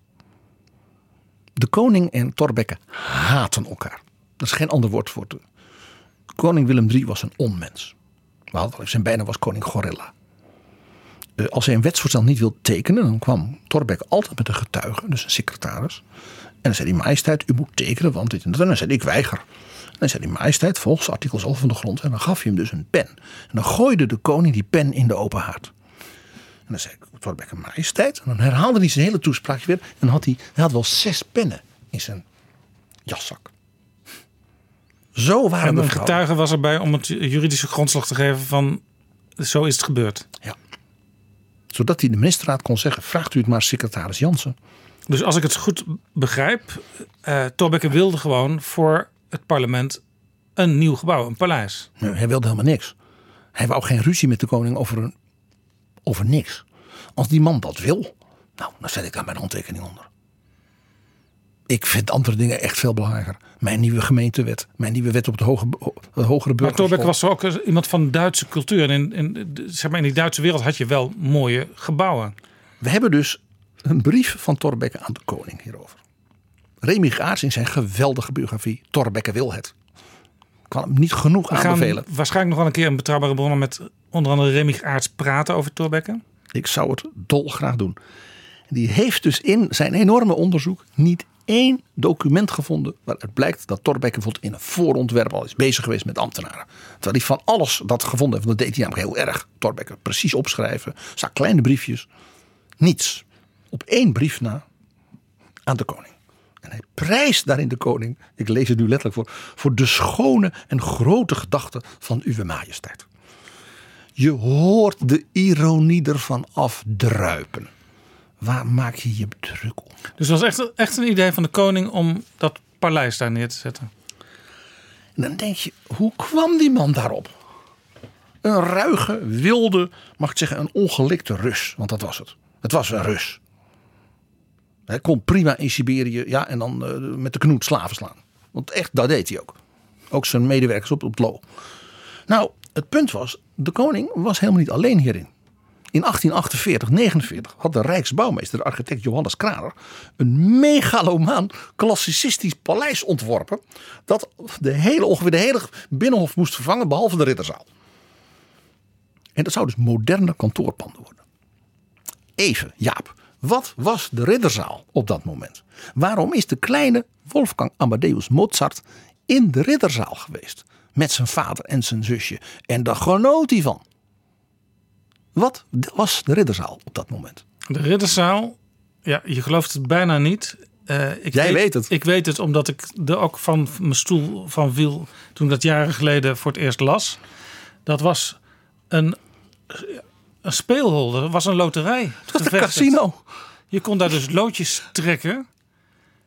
En Het was het casino van Den Haag. ja, het was in feite de nationale postcode loterij eh, in, in oude vorm. Het kantoor van de Nationale Loterij was gevestigd in de Ridderzaal.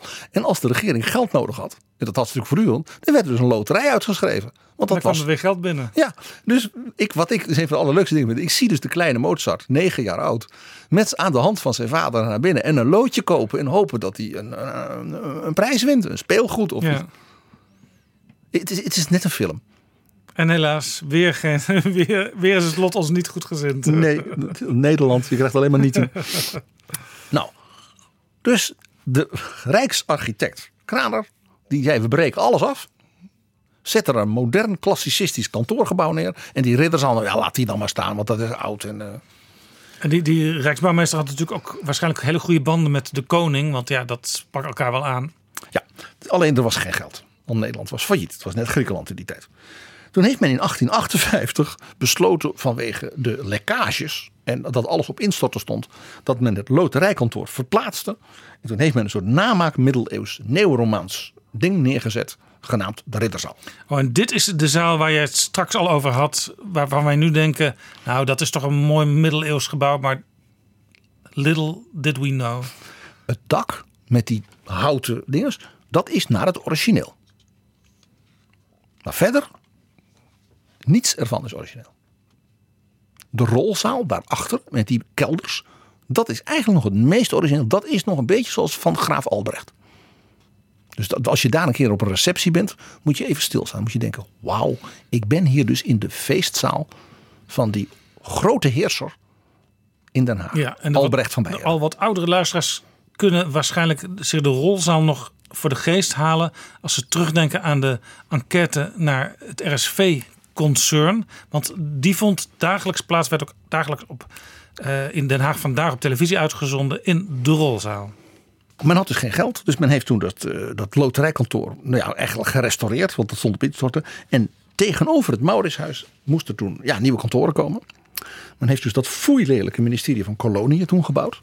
En daarnaast aan de achterkant van de Ridderzaal, dus naar het plein toe, de oude kooltuinen van graaf Albrecht, een gebouw voor de Hoge Raad.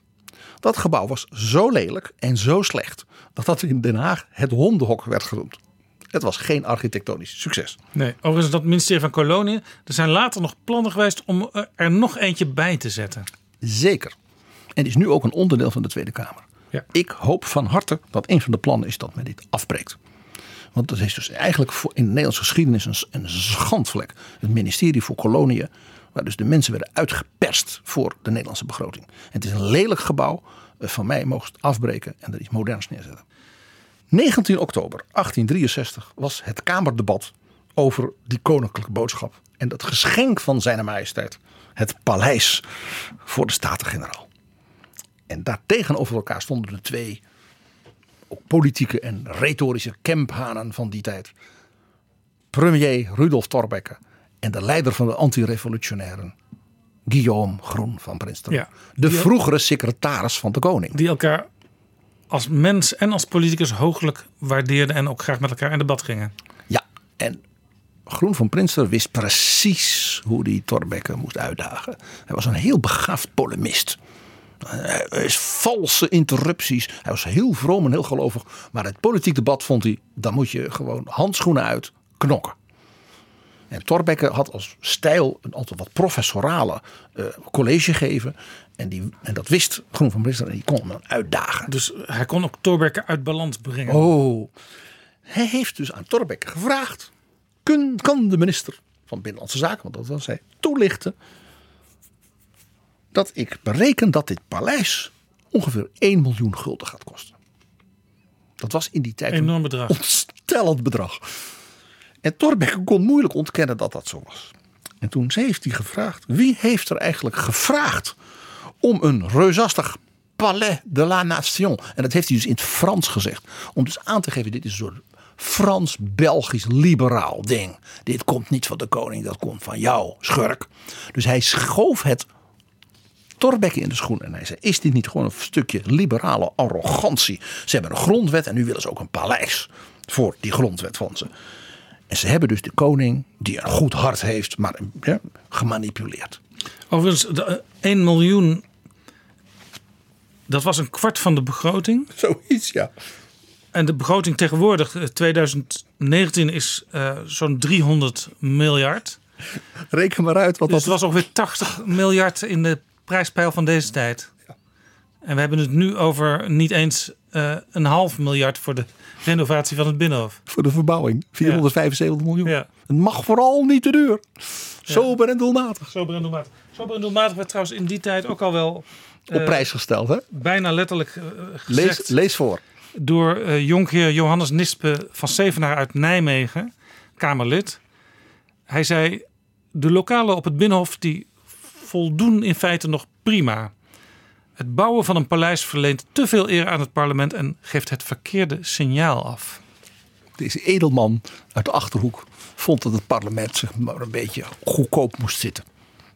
Ja, Juist. zo kan het toch ook. Zo kan het ook. Ik durf te wedden dat, dat het buitenhuisje van, de, van Nispe van Zevenaars ergens, dat dat wel heel mooi was hoor. Thorbecke reageerde dus precies zoals Groen van Prinster wilde. Hij kreeg zijn zin. Zeer aangebrand, beledigd. En eh, toen kwam Groen met zijn eh, mes tussen de ribben. Die zei, als we dan een miljoen geven ter herinnering aan de 50ste ja, herstel verjaardag. Waarom geven we dan dat geld niet uit aan een nationaal museum ter ere van de band van Nederland met het Huis van Oranje?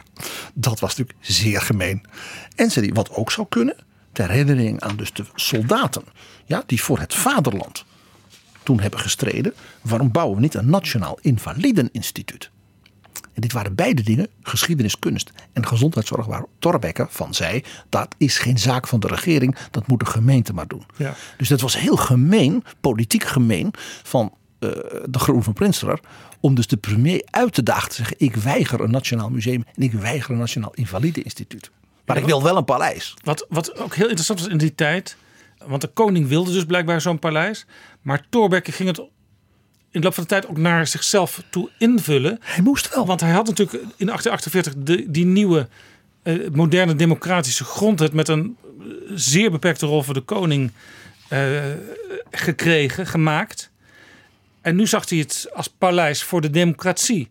En mensen als Groen van Prinster, antirevolutionair, het woord zegt het al, ja, die vonden dat eigenlijk te revolutionair gedacht.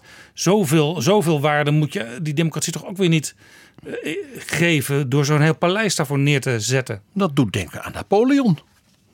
Dat, daarom dat hij dat spottend begint. Een palais de la nation in het Frans. En Thorbecke was woedend. Want die wou natuurlijk in feite de zaak dempen. Om de koning niet. En dan gaat dus de voormalige secretaris van de koning in de Tweede Kamer een nummer zitten maken. die hem dwingt Thorbecke de koning te verdedigen. Politiek was dit dus hoogspel Ja. en briljant van Groen van Prinsen. En zoals je al zei, die twee die waardeerden elkaars politieke stijl. Ja. Terwijl ze elkaars opponenten waren. Doet in onze tijd een beetje denken aan eh, die hele reis sociaaldemocraten die de Oranjes moesten verdedigen en redden uit penibele situaties ten overstaan van de volksvertegenwoordiging. Ja, dat zou je bijna denken, ja. Nou, eh, Groen, van, Groen van Prinsen ging maar door met Sarre. En Thorbecke heeft toen in de Tweede Kamer, zijn partijgenoten, zal zeggen, de, de VVD van toen en D66 van toen, eh, dus het debat laten afkappen en het meteen op een stemming aangebracht. En toen heeft, hebben dus de liberalen be- begrepen wat ze moesten doen. De liberalen die dus koning Willem III verafschuwden. Hè? En die hebben allemaal voor dat paleis gestemd. 29 stemmen voor en 19 tegen. Ja, het was overigens ook, ook daar blijkt hoe geslepen de politicus uh, Thorbecke was. Het was eh, vlak voor een parlementair reces. En een aantal Kamerleden die waren al vertrokken. Die konden dus niet meestemmen. En dat waren tegenstanders van Thorbecke en medestanders van Groen. En dus was zeg maar toen wettelijk uh, gegrondvest dat er een nieuw gebouw kon komen. Een paleis. Het was goedgekeurd. Ja. Moest natuurlijk nog wel allemaal worden getekend en de architecten bij betrokken worden en zo. Maar het idee dat het zou komen, dat was goedgekeurd. En koning Willem III was natuurlijk zeer tevreden. Hij had als ja, uh, neef van de tsaar, als een soort autocraat. Zoals hij dat in Petersburg en Moskou, wat hij prachtig vond. He, met die vreselijke Thorbecke, die vreselijke grondwet. Hij had nu als autocraat geregeerd. Hij had de Tweede Kamer paleis cadeau gedaan. Ha. Dat was dus geregeld. En wat gebeurde er toen? Niets. We zijn in Nederland. Er is een prijsvraag uitgeschreven. Met een commissie. Want Thorbecke wou dat hele paleis niet. En dat miljoen had hij ook niet. Thorbecke heeft dus vakkundig gesmoord. Hier zag je dus de meester politicus en bestuurder Thorbecke. In 1865 waren er dan drie ontwerpen klaar. En die, van architecten. En die zijn gedemonstreerd op een tentoonstelling in de Ridderzaal. Het was gerestaureerd. En het befaamdste ontwerp was van een Duitse architect. En die zou het hele noordkant van het Binnenhof, dus zeg maar van het torentje van het Mauritshuis tot het Buitenhof, dus in zijn geheel afbreken. Hofvijverkant? Juist, de kant van de Hofvijver zou helemaal worden afgebroken. Alles. En daarvoor zou er een soort neo-barok gebouw komen. En ik kan. Ik begrijp waarom koning Willem III dit mooi vond. Want als liefhebber, ik herken de tekening onmiddellijk. Het is de Mariinsky Opera in Sint-Petersburg. Die is een hele sluwe Duitse architect geweest. Die heeft gewoon de opera van de tsaar, van zijn oom. Ja, ja, die heeft zich verdiept in de persoon van de koning. Psychologie, briljant. Een soort operagebouw uit Sint-Petersburg. En het lijkt ook wel een beetje op de staatsoper in Wenen aan de Ringstraße. Dus een volkomen ongeschikt gebouw natuurlijk voor een parlement. Maar ja, de koning, een grote, ja, ja een opera. Nou, daarbij was bekend dat Willem III een liefhebber was van opera. En vooral van operazangeressen en opera balletdanseressen. De ene maîtresse na de andere. Dus ook dat was natuurlijk in heel Den Haag wist dat. Dus er werd gegrinnikt. Dat snap je. Maar van dit gebouw werd omschreven bij de commissie die dan moest beoordelen. Dat men vond de sierlijke deftige gevel die aan het water nu zou komen. in plaats dus van het torentje en uh, al dat soort dingen, zou Den Haag de allure geven die het hoort te hebben als stad en residentie van een koning, zoals Parijs en Dresden. Dus die commissie die vond het wel een goed idee. Ja, maar vervolgens werden ze het niet eens. Toen zijn er vervolgplannen gemaakt in 1866, 1869, 1870 en er gebeurde helemaal niets. De koning had natuurlijk zijn belangstelling voor dit project al lang verloren. De man had geen zeg maar, visie in de zin van dat hij iets, een plan had en dat dan voor zich hè, stapsgewijs. Hè, schriet voor schriet was niet zijn ding. Hij was oprispingen en scheldpartijen en dan had hij weer een nieuwe zangeres waar hij mee ging. Hè, van de opera in Brussel. Hij, hij vergat het gewoon. Ja. Toen heeft men dus in 1880 ja, gezegd, ja, er moet wel wat gebeuren. Dat gedeelte aan het water van de Hofvijver was, het zeer was krakkemikkig. Nog steeds bric-à-brac. En ja, en toen heeft men eh, tussen de Eerste Kamer en het torentje in het Mauritshuis alles afgebroken. En in feite daar kantoren gemaakt van waar nu dus de Rijksvoorlichtingsdienst zit en de staf van Mark Rutte. In een soort namaak Hollandse renaissance stijl. Oftewel, dat is helemaal niet oud, wat iedereen denkt. Nee, nee, als je er rondloopt, ja, de binnen- binnenkant is natuurlijk altijd weer anders dan het toen was waarschijnlijk. Maar het is gewoon eh, vrij strak gecomponeerd. En daarbij heeft men dus, dat is, ik heb er geen antwoord voor, een grof schandaal. Heeft men de hofkapel van de graven van Holland Ja, dat was uit dus- de 15, 14e eeuw afgebroken. Ja, de plek waar dus de belangrijke eh, leiders ook begraven werden. Dat was de officiële dynastieke Dus zeg maar grafkapel. Het Pantheon van Nederland, maar dan in een wat kleinere vorm. Zoals de Oranjes in hun, in hun crypt in Delft liggen. Stel je voor dat mevrouw van Bijsterveld, de burgemeester van Delft, zou besluiten: ik heb een nieuwe parkeergarage nodig, ik breek de kerk af. Maar hoe kan dat? Hoe kan dat gebeurd zijn? Eh, omdat Nederland een land is zonder stijl, klasse en cultuur. Zo. Tot zover. Het is een schande. En daar ligt dus in die kapel, die crypt is er dus nog. Daar ligt waarschijnlijk bouwpuin puin in. En de beenderen van, Van Johan, Johan van van Oldenbarneveld. Wie weet. Die straks door Ronald van Raak gevonden zullen worden. En Mark Rutte. Die in eendracht hebben besloten dat er- onderzoek te laten doen. Ik ben ervan overtuigd dat Mark Rutte alleen al minister-president wil blijven. Opdat onder zijn bewind de door hem zo bewonderde staatsman Johan van Barneveld een eervolle herbegrafenis krijgt. Dat zijn dingen waar je als politiek leider, dat mag je ook af en toe denken van, ik ga daarmee de geschiedenis in. Niet met de dividendbelasting, maar wel daarmee. Ik ben het helemaal met je eens, PG. Kortom, beste Jaap. Over dat eeuwenoude Binnenhof. Met die oude een hoop legendevorming. En zoals ik al net zei, weinig de facto respect voor kunst en historie. Heel Nederland. Mag niet te veel kosten. eh, Geen idee, geen plan. Veel broddelwerk. Eigenlijk moet je eerlijk toegeven. Er is in al die eeuwen, los van graaf Albrecht van Beieren. Die natuurlijk een topper is in onze geschiedenis. Die bijna niemand kent. Is er één iemand met visie geweest. Koning Gorilla himself. Alleen die visie was megalomaan en Russisch. Zoals hij dus ook zelf was qua karakter. Eén ding. Alles behalve sober en doelmatig. Ja. En dat is het wachtwoord wat we nu elke dag horen. Waar Alexander Pechtold nu mee moet laveren. Want die probeert de zaak weer op de rails te krijgen. Alle betrokkenen, architecten, Eerste Kamer, Tweede Kamer, eh, Algemene Zaken, Raad van State. Die zijn eh, Staatssecretaris Raymond Knops. verschillende De niveaus Rijksvastgoedgebouw. met elkaar in onmin geraakt. In ieder geval, dat loopt allemaal niet lekker. En hij moet die mensen weer met elkaar in gesprek brengen. En op een soort lijn van, we gaan weer verder en we gaan ervoor. Nou heeft Alexander Pechtold als kunstminnaar al eens een keer verteld hè, over die gebouwen, toch? Ja. Zeker, dat heeft hij. Dat heeft hij. Hij was natuurlijk ook jarenlang gebruiker van bijvoorbeeld eh, de nieuwe zaal van de Tweede Kamer. Hij heeft daar meermaals iets over gezegd en één keer heel expliciet toen hij een avond mocht eh, vertellen bij de VPRO. Je Oh, zo'n zomeravond. Zomergasten, zo heet het. Waar Mark Rutte ook een keer geweest is. Ja. En eh, toen vertelde hij iets over die nieuwe zaal. Waar hij dan eh, Fractieleider was. fractieleider was. En ook heel, heel kort even minister is geweest. En daar gaan we nu even naar luisteren. Wat ik wil laten zien is dat ja, die hele setting is dus anders geworden. Ehm, de- je ziet, Kok toornt boven de massa uit. Eh, ja, in mijn democratie is de regering toch te gast. Eh, en nu zit hij in een vak. Hè, vak K heet dat. Het is een soort loge. Afstand dus. En die, die, die, die Kamer die met elkaar in discussie staat, die, die staan naast elkaar. Kijk, daar komt Rozenmuller er inmiddels bij. En, en die staan een nekverrekking te krijgen om naar elkaar te kijken. En de plek van de spreker, hè, die eerst, waar de, de, de, de eerste, eerste bijdragers worden gegeven door een Kamerlid, die is niet meer tegenover het kabinet.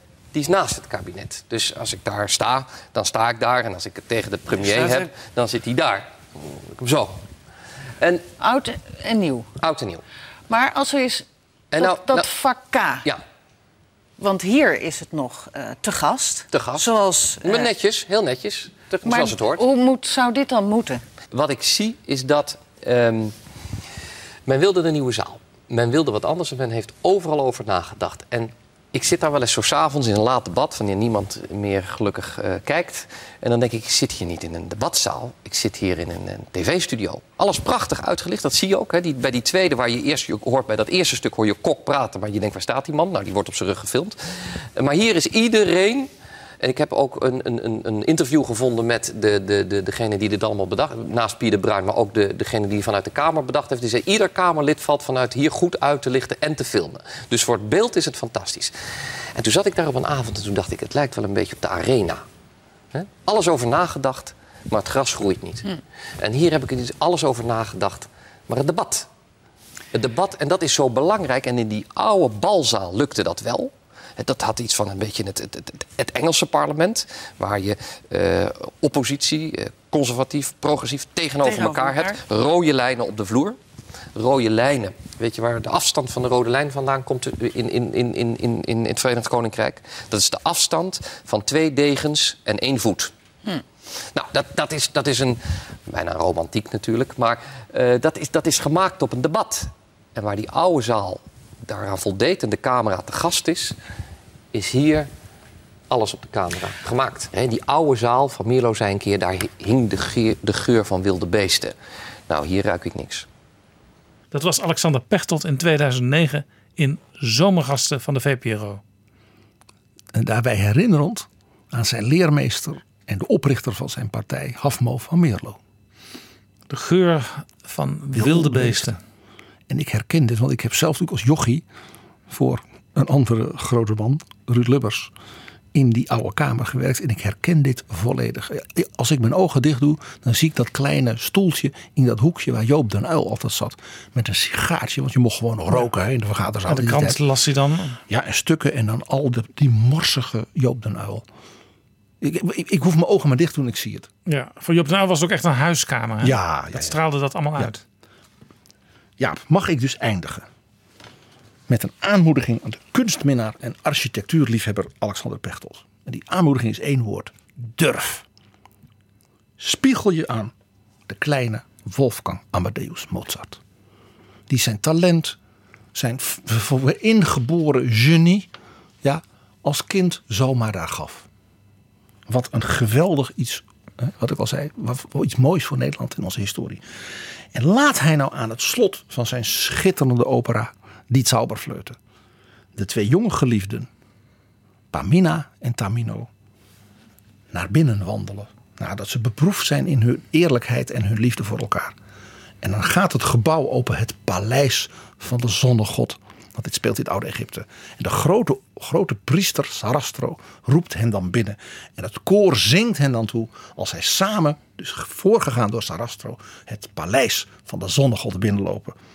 Is er een betere inspiratie voor Alexander Pechtold dan dat wonderkind dat de geschiedenis van de klassieke muziek en de opera heeft gemaakt in de balzaal aan de Hofvijver. We gaan hier naar luisteren en het klinkt in elk geval beter dan sober en doelmatig. Dankjewel, PG.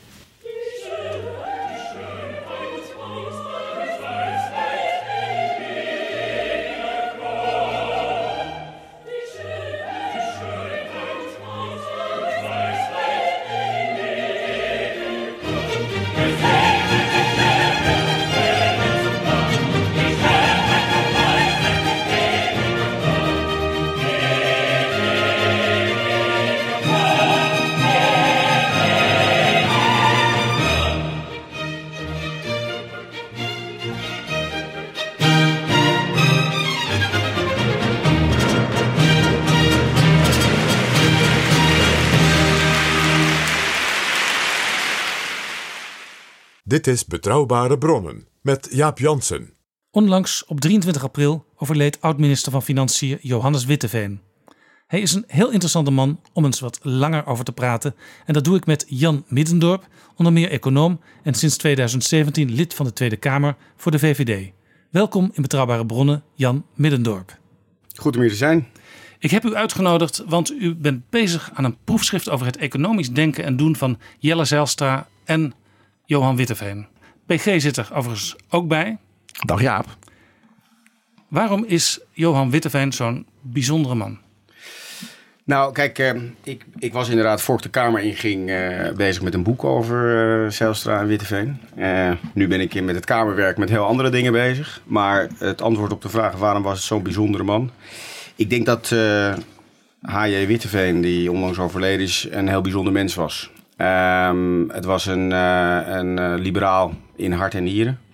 Um, het was een, uh, een heel respectvol mens die altijd bezig was met de wereld om zich heen.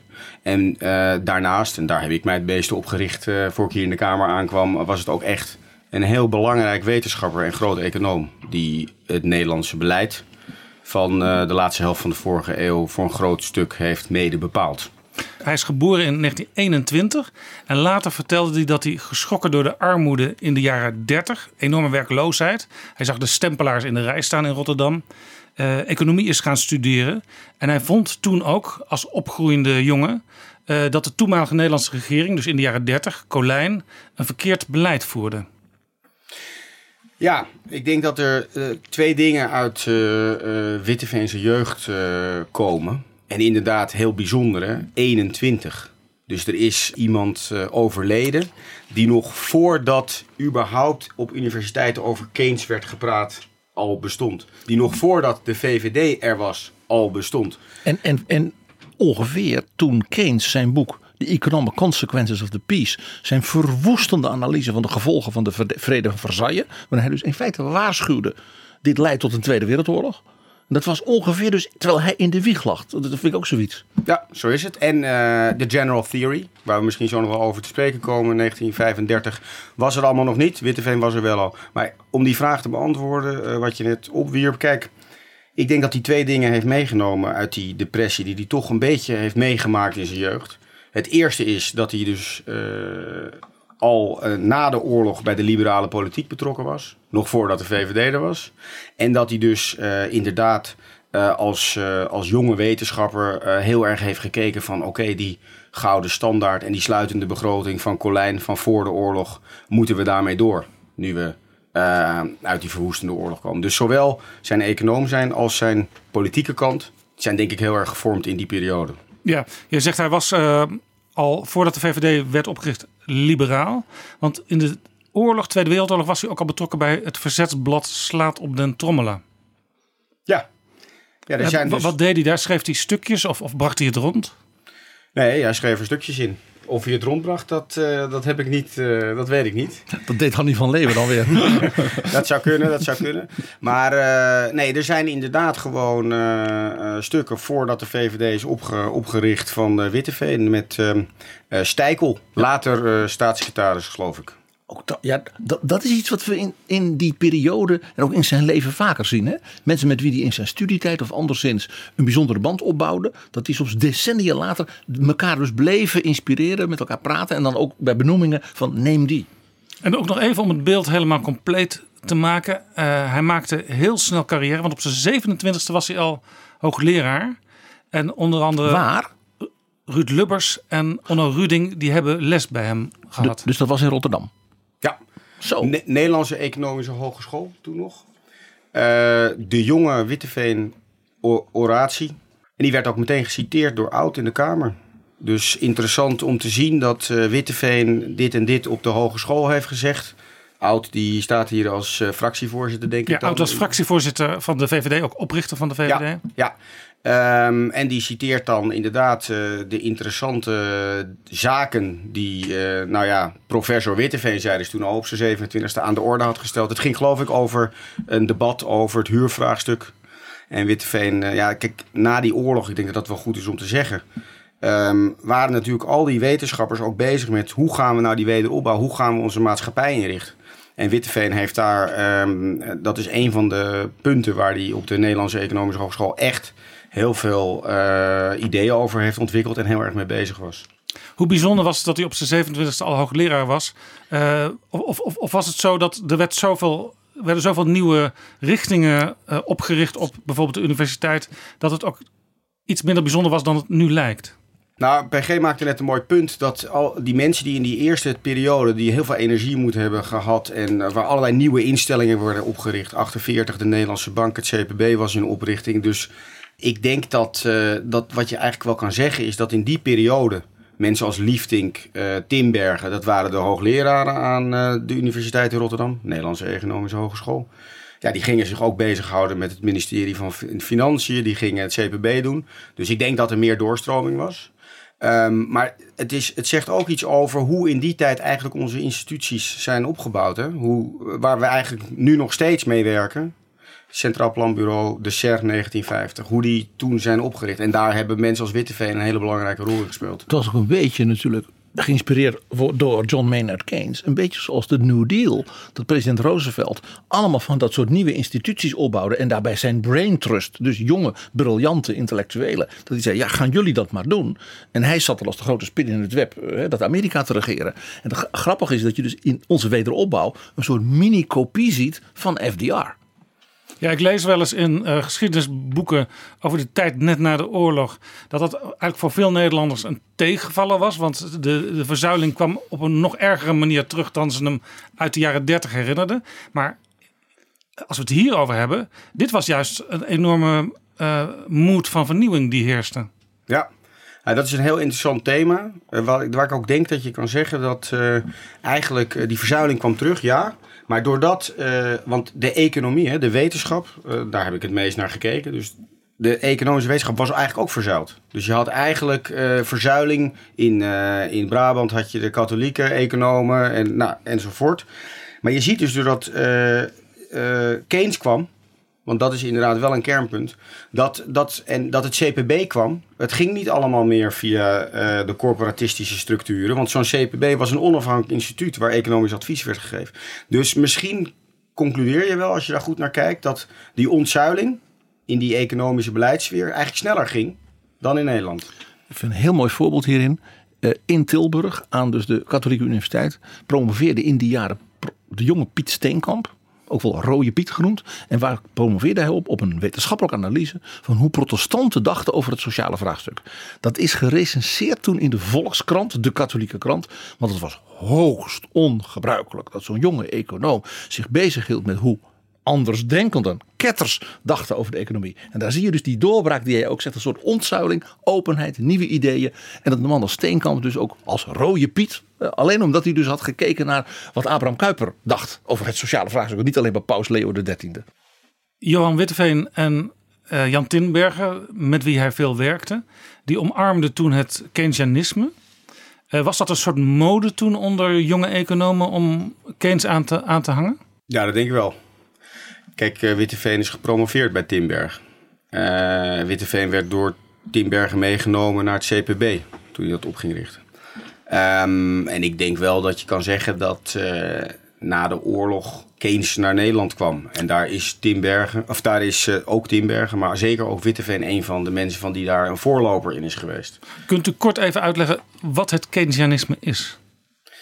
Het punt van je, je, moet als, uh, je moet eigenlijk de begroting ook gebruiken om uh, uh, de economie stabiel te houden. Dat is denk ik het belangrijkste punt vanuit het perspectief van als we het over Witteveen hebben.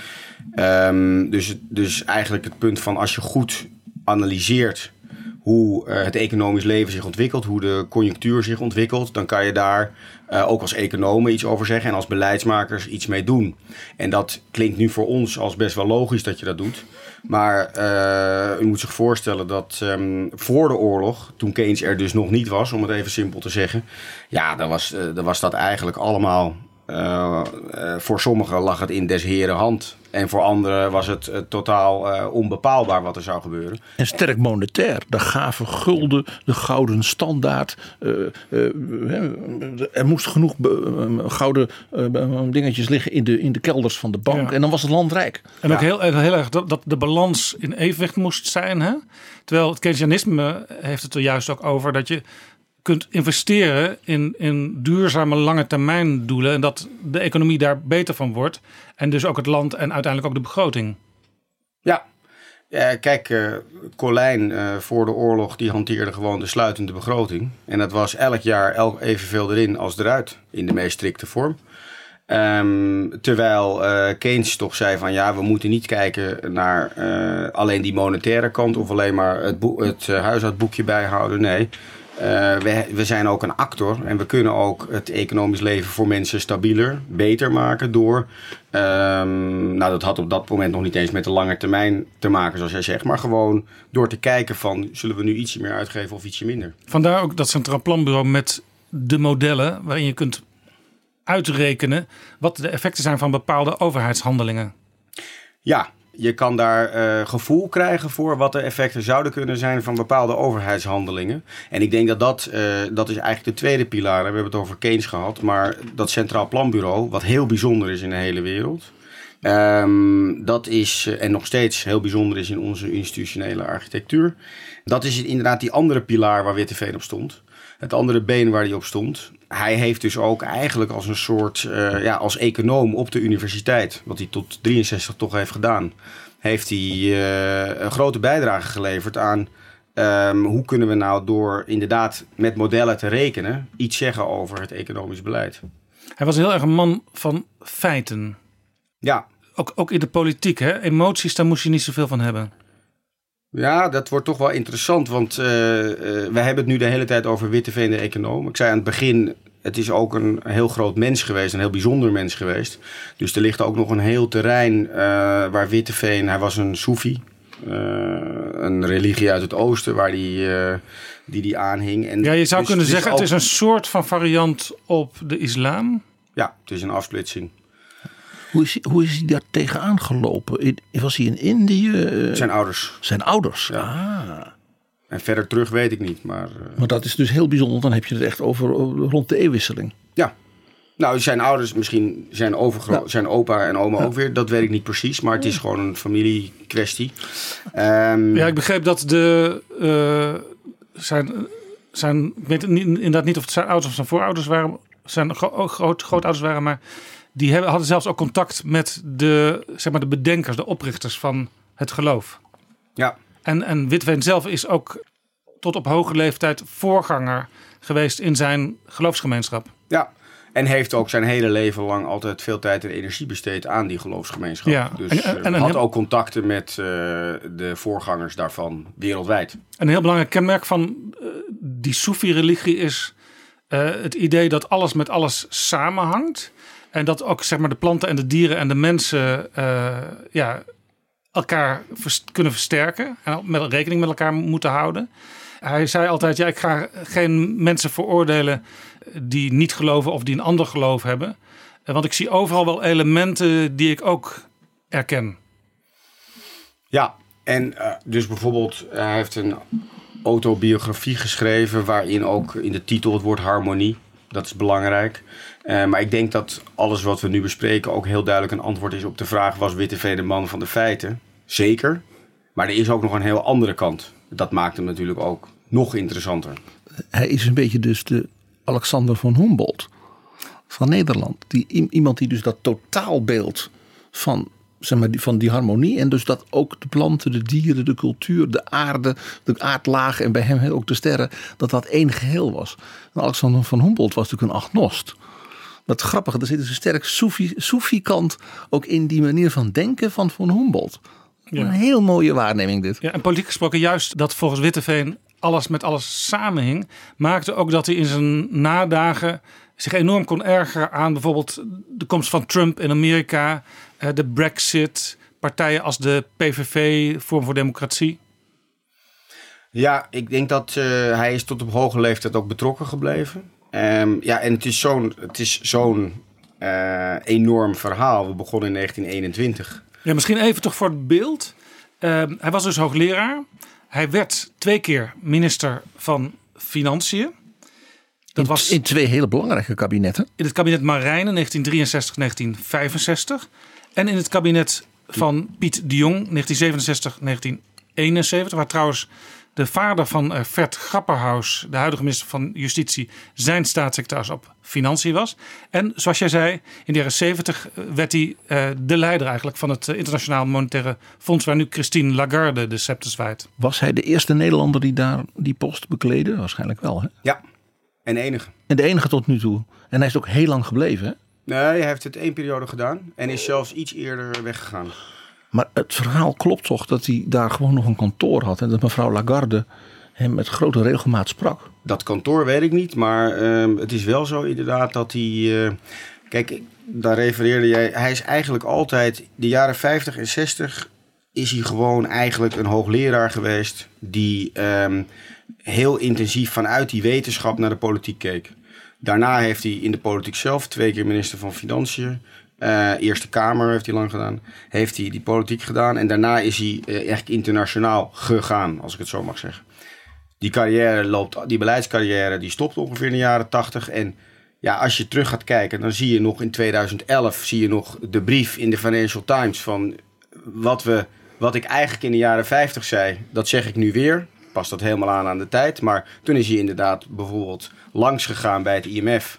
En in zijn oude kamer, waar Lagarde toen zat.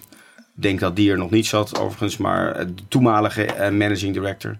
Um, om die toe te spreken over, uh, nou, van gedachten te wisselen, zal hij het zelf genoemd hebben. Over wat moeten we nu doen in die enorme. En dat deed hij bijvoorbeeld ook nog uh, in zijn laatste jaren met Mark Rutte, de minister-president. hij schreef brieven, hij gaf boeken aan hem.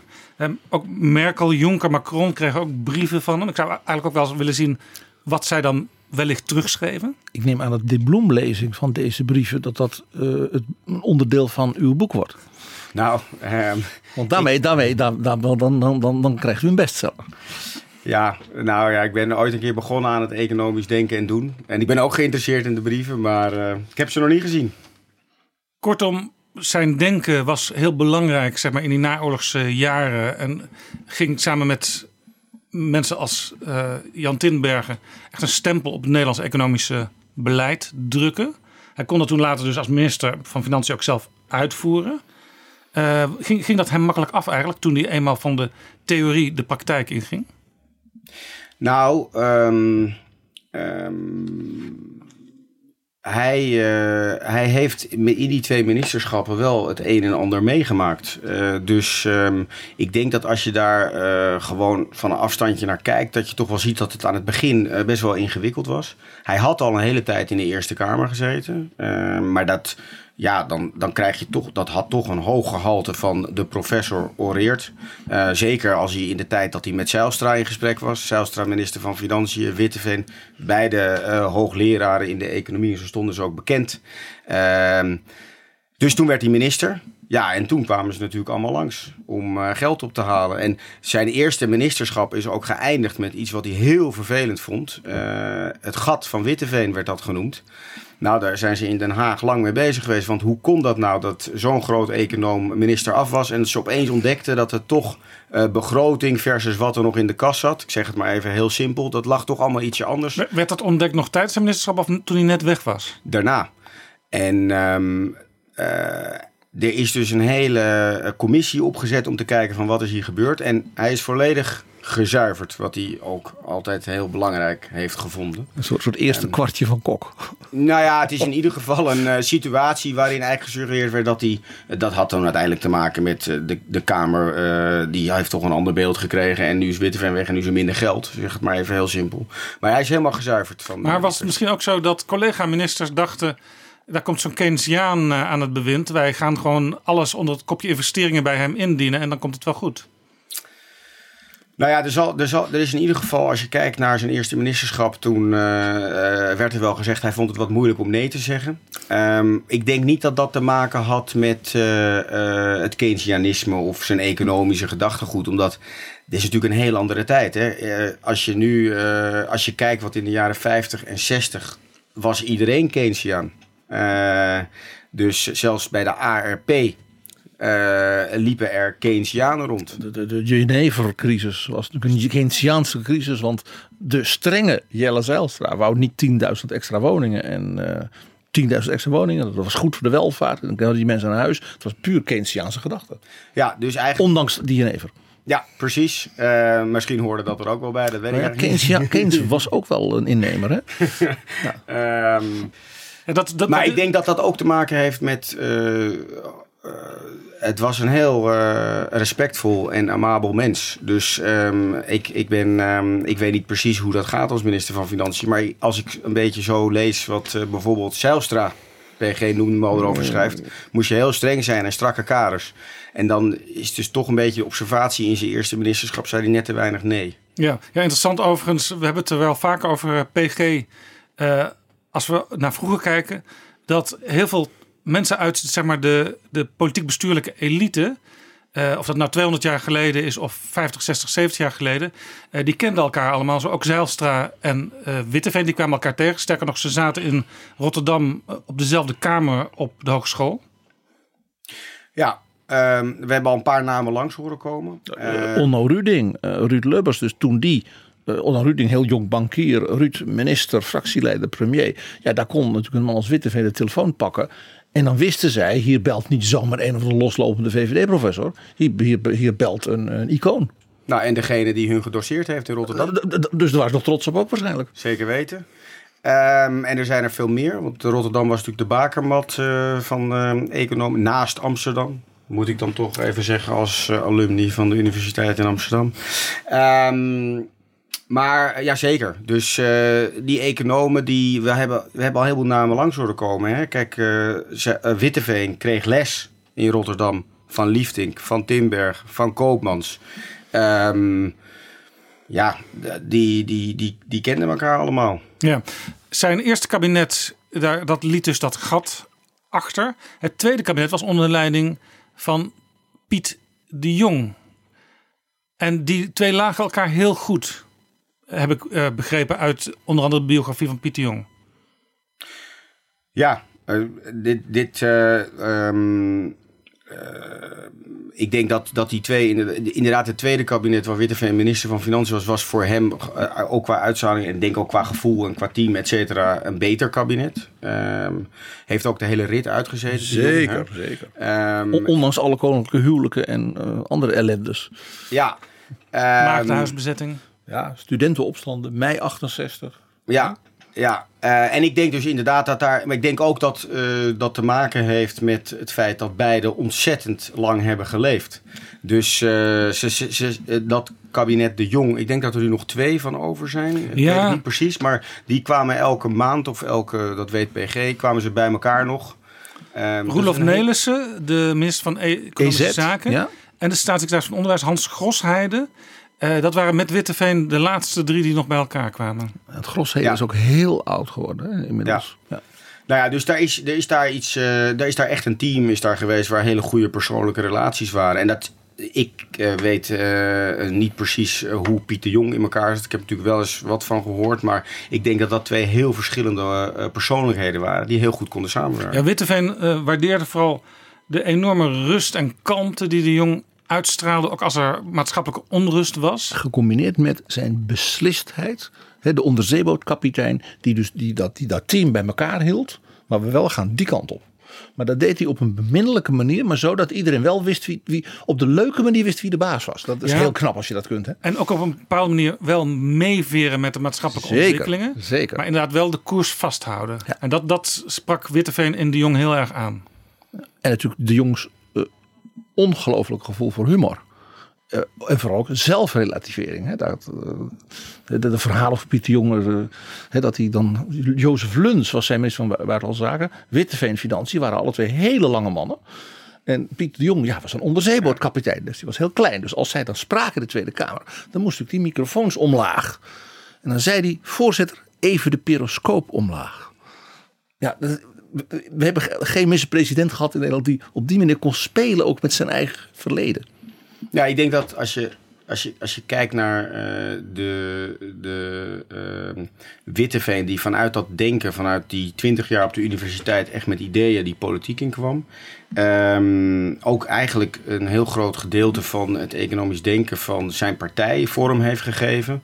En, en uh, ja, dat in de praktijk ging brengen. Dat een persoon, een figuur als de Jong, die daar ook wat kaders bij en, en nou ja, een, een, een rechte lijn in aanbracht. Ik denk niet dat de Jong uh, econoom was eigenlijk. Maar, uh, daar, daar heeft hij ook wel heel veel grappen over gemaakt, ja. Ja, maar toch denk de combinatie van wetenschapper en dat ook een, een soort boerenverstand of kapiteinsverstand dat zou goed gewerkt hebben. Ik denk dat het was dat de Jong, zoals de meeste zeer goede leiders, het erg leuk vond om briljante mensen om zich heen te hebben. En ze de ruimte te geven, wetend van zichzelf.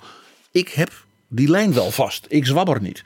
Zij kunnen daarbinnen heel veel van hun vernuft kwijt. En dan ben ik ook niet jaloers. Ja, heel interessant was toen de jongen aantrad. Toen kreeg hij op de, zijn eerste persconferentie de vraag ik denk dat de vraag was van Kees Zorgdrager, die nog heel lang in Den Haag als uh, journalist heeft rondgelopen, inmiddels overleden is. Van meneer de Jong, wat weet u eigenlijk van de economie? Want we hebben allemaal grote economen gehad. U, u, u heeft toch geen economie en, we, en we hebben nu dat gat van Witteveen, ja, daar moet u toch wat aan doen? En toen zei de Jong, ik kijk naar de economie als een aap naar een roestig uurwerk. Met andere woorden, ik laat het gewoon aan mensen als Witteveen over. Het is Piet de Jong ten voeten uit, ook zo'n beeld. Ja, prachtig.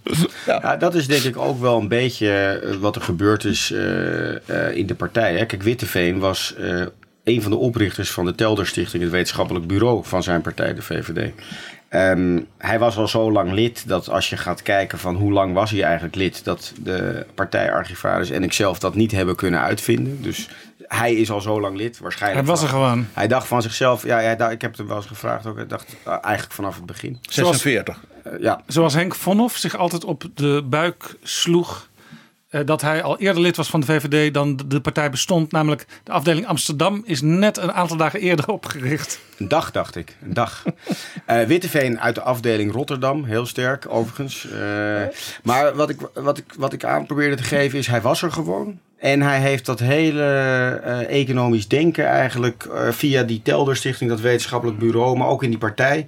Zou je, stel ik me dan zo voor hè, dat, dat er ook een beetje zoiets gold van uh, de hoogleraar weet het wel.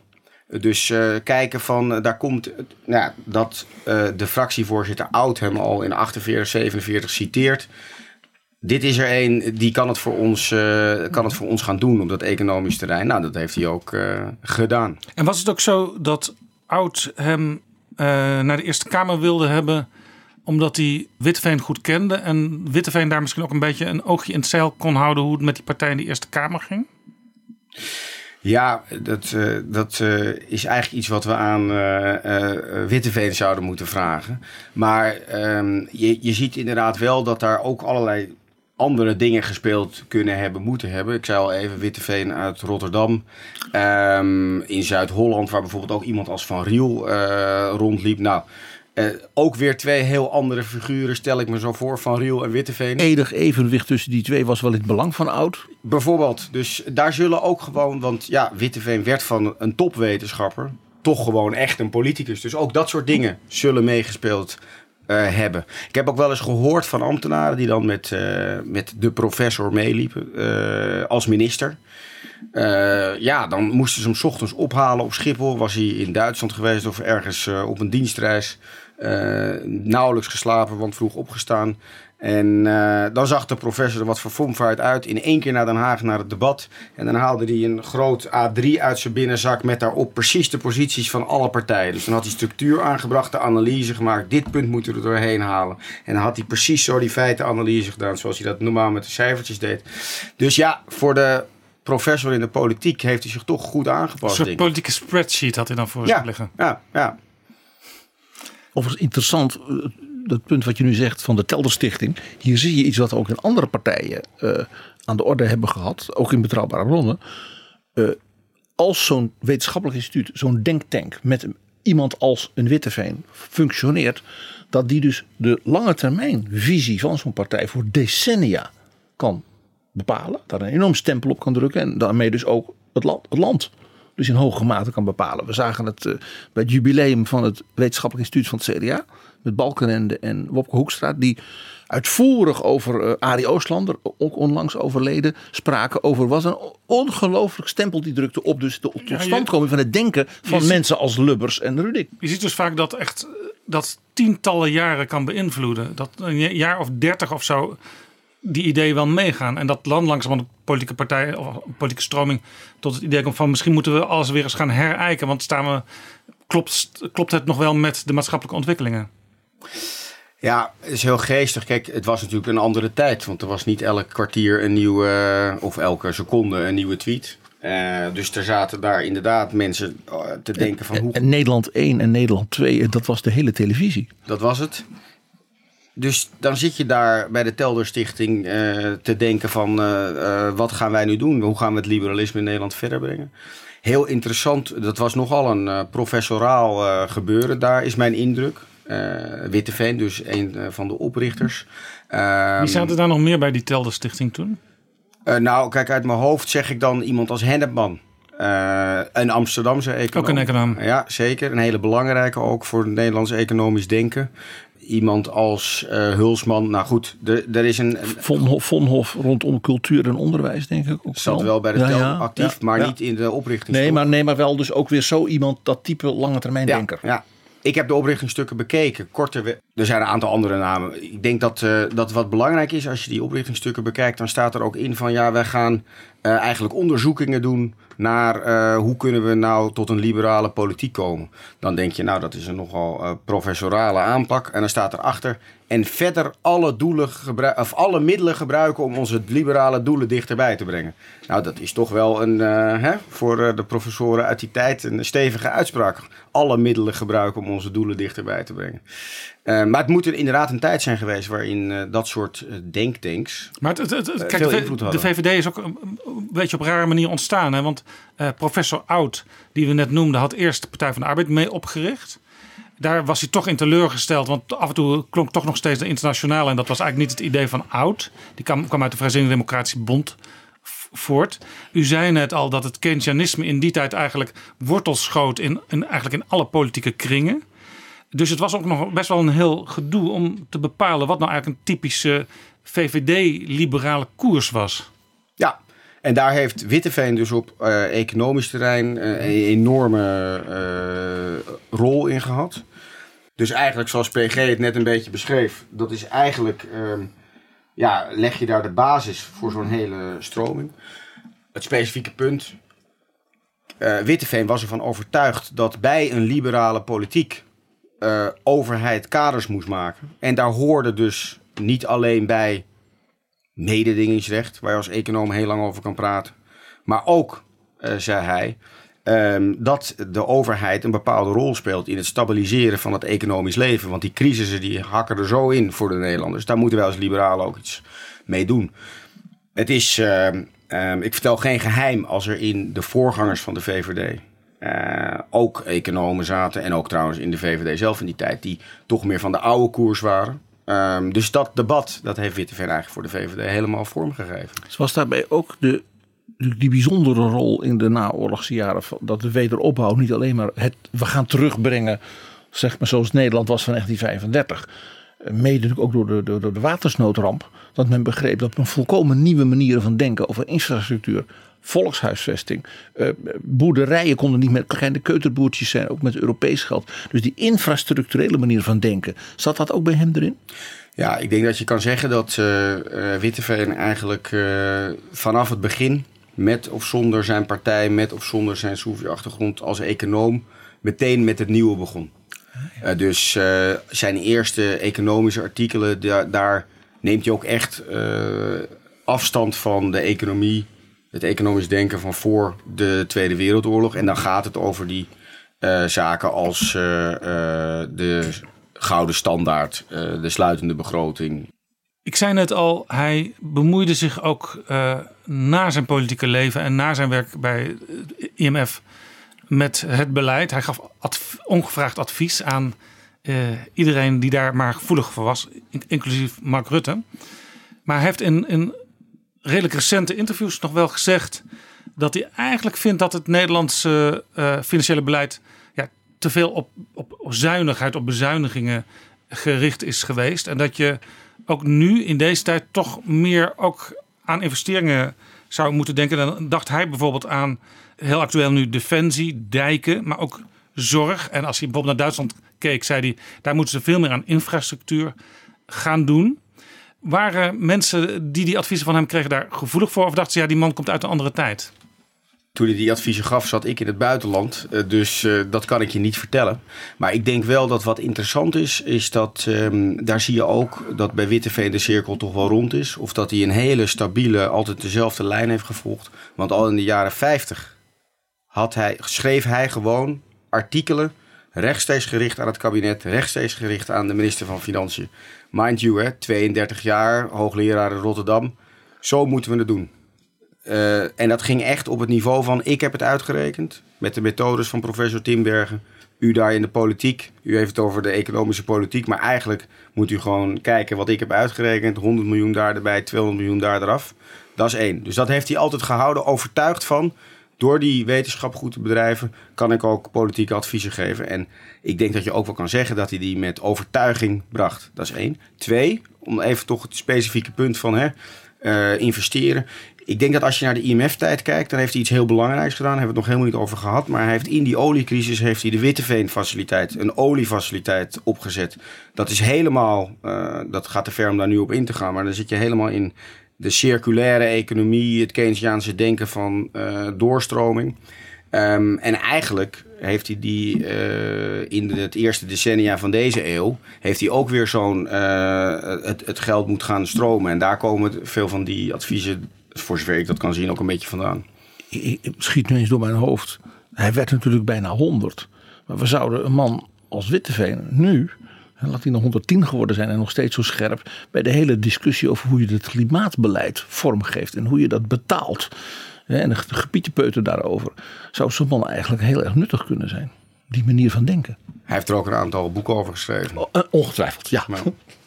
Witteveen leed natuurlijk denk ik ook een klein beetje aan het feit dat eh, praktische politici eh, vaak helemaal niet doen wat theoretisch eh, juist als juist wordt gezien. Hè? Er wordt altijd gezegd het dak repareren als de zon schijnt. Maar meestal wordt er juist als er weer wat meer geld uit te geven, of als, als het weer wat beter gaat met de economie, wordt er geroepen naar de overheid: ja, nu kunnen jullie dat doen, nu kunnen jullie dat doen. En dat is eigenlijk het omgekeerde. Ehm, ja, dit is interessant, praktische politici. Want, want het en- Keynesianisme zegt ook, als het slecht gaat met de economie, dan moet je juist als overheid wat extra toeleggen eh, en dan een soort balans in het totaal brengen. Ja, ik denk dat sowieso eh, een van de dingen die Witteveen veel zal zijn tegengekomen in zijn beleidscarrière, is dat hij eigenlijk altijd toch wetenschapper is gebleven. Dat is het mooie. En daarom heeft hij ook die rechte lijn die we net bespreken eh, kunnen vasthouden.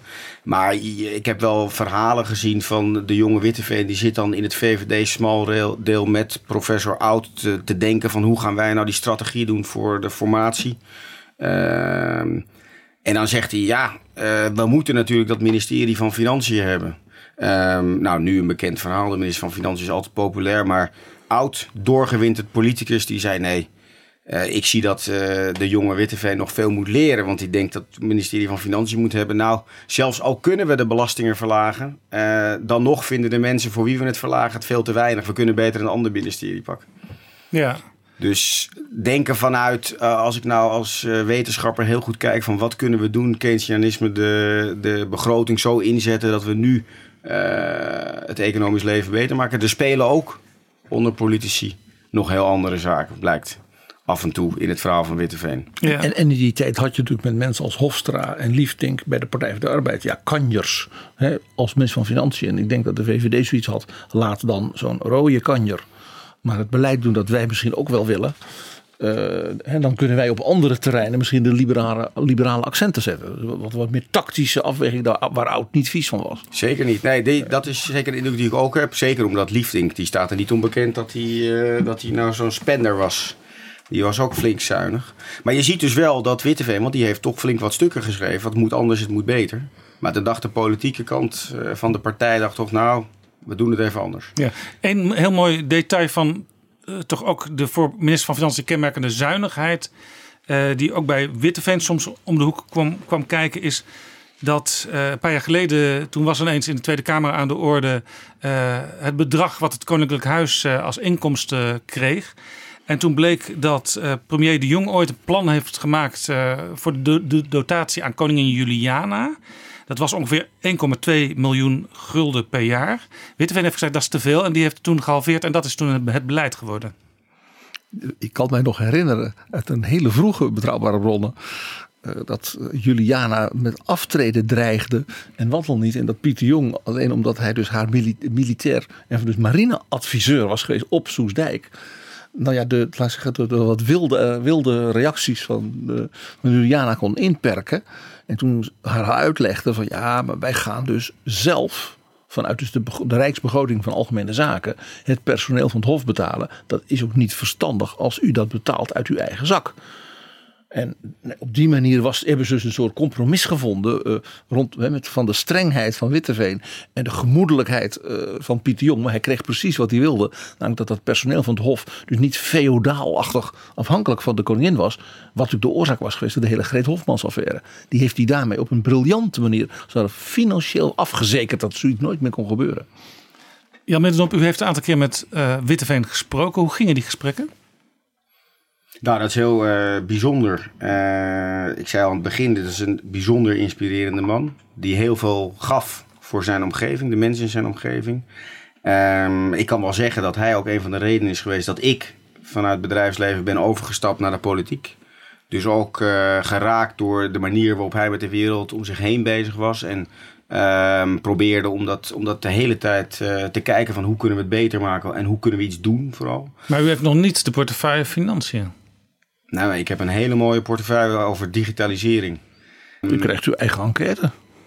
Wie weet. Ehm, maar ik zit even, om, om toch even die vraag te, over die ontmoetingen te beantwoorden. Want anders zijn we zo bij digitalisering. En enquête. Geweldig onderwerp. Nee, maar het is belangrijk om ook die vraag van Witteveen te beantwoorden. Het was echt een bijzondere man. Ontving je met tijd, interesse en een kaarsje aan. Want dat hoorde erbij in de Soefi-religie. Uitkijkend over het grasveld achter hem. Als hij daar zat op zijn stoel. Zo bijzonder. Kunt u iets van een herinnering in de meer anekdotische zin zeggen? Dit was een bepaalde eigenschap van hem.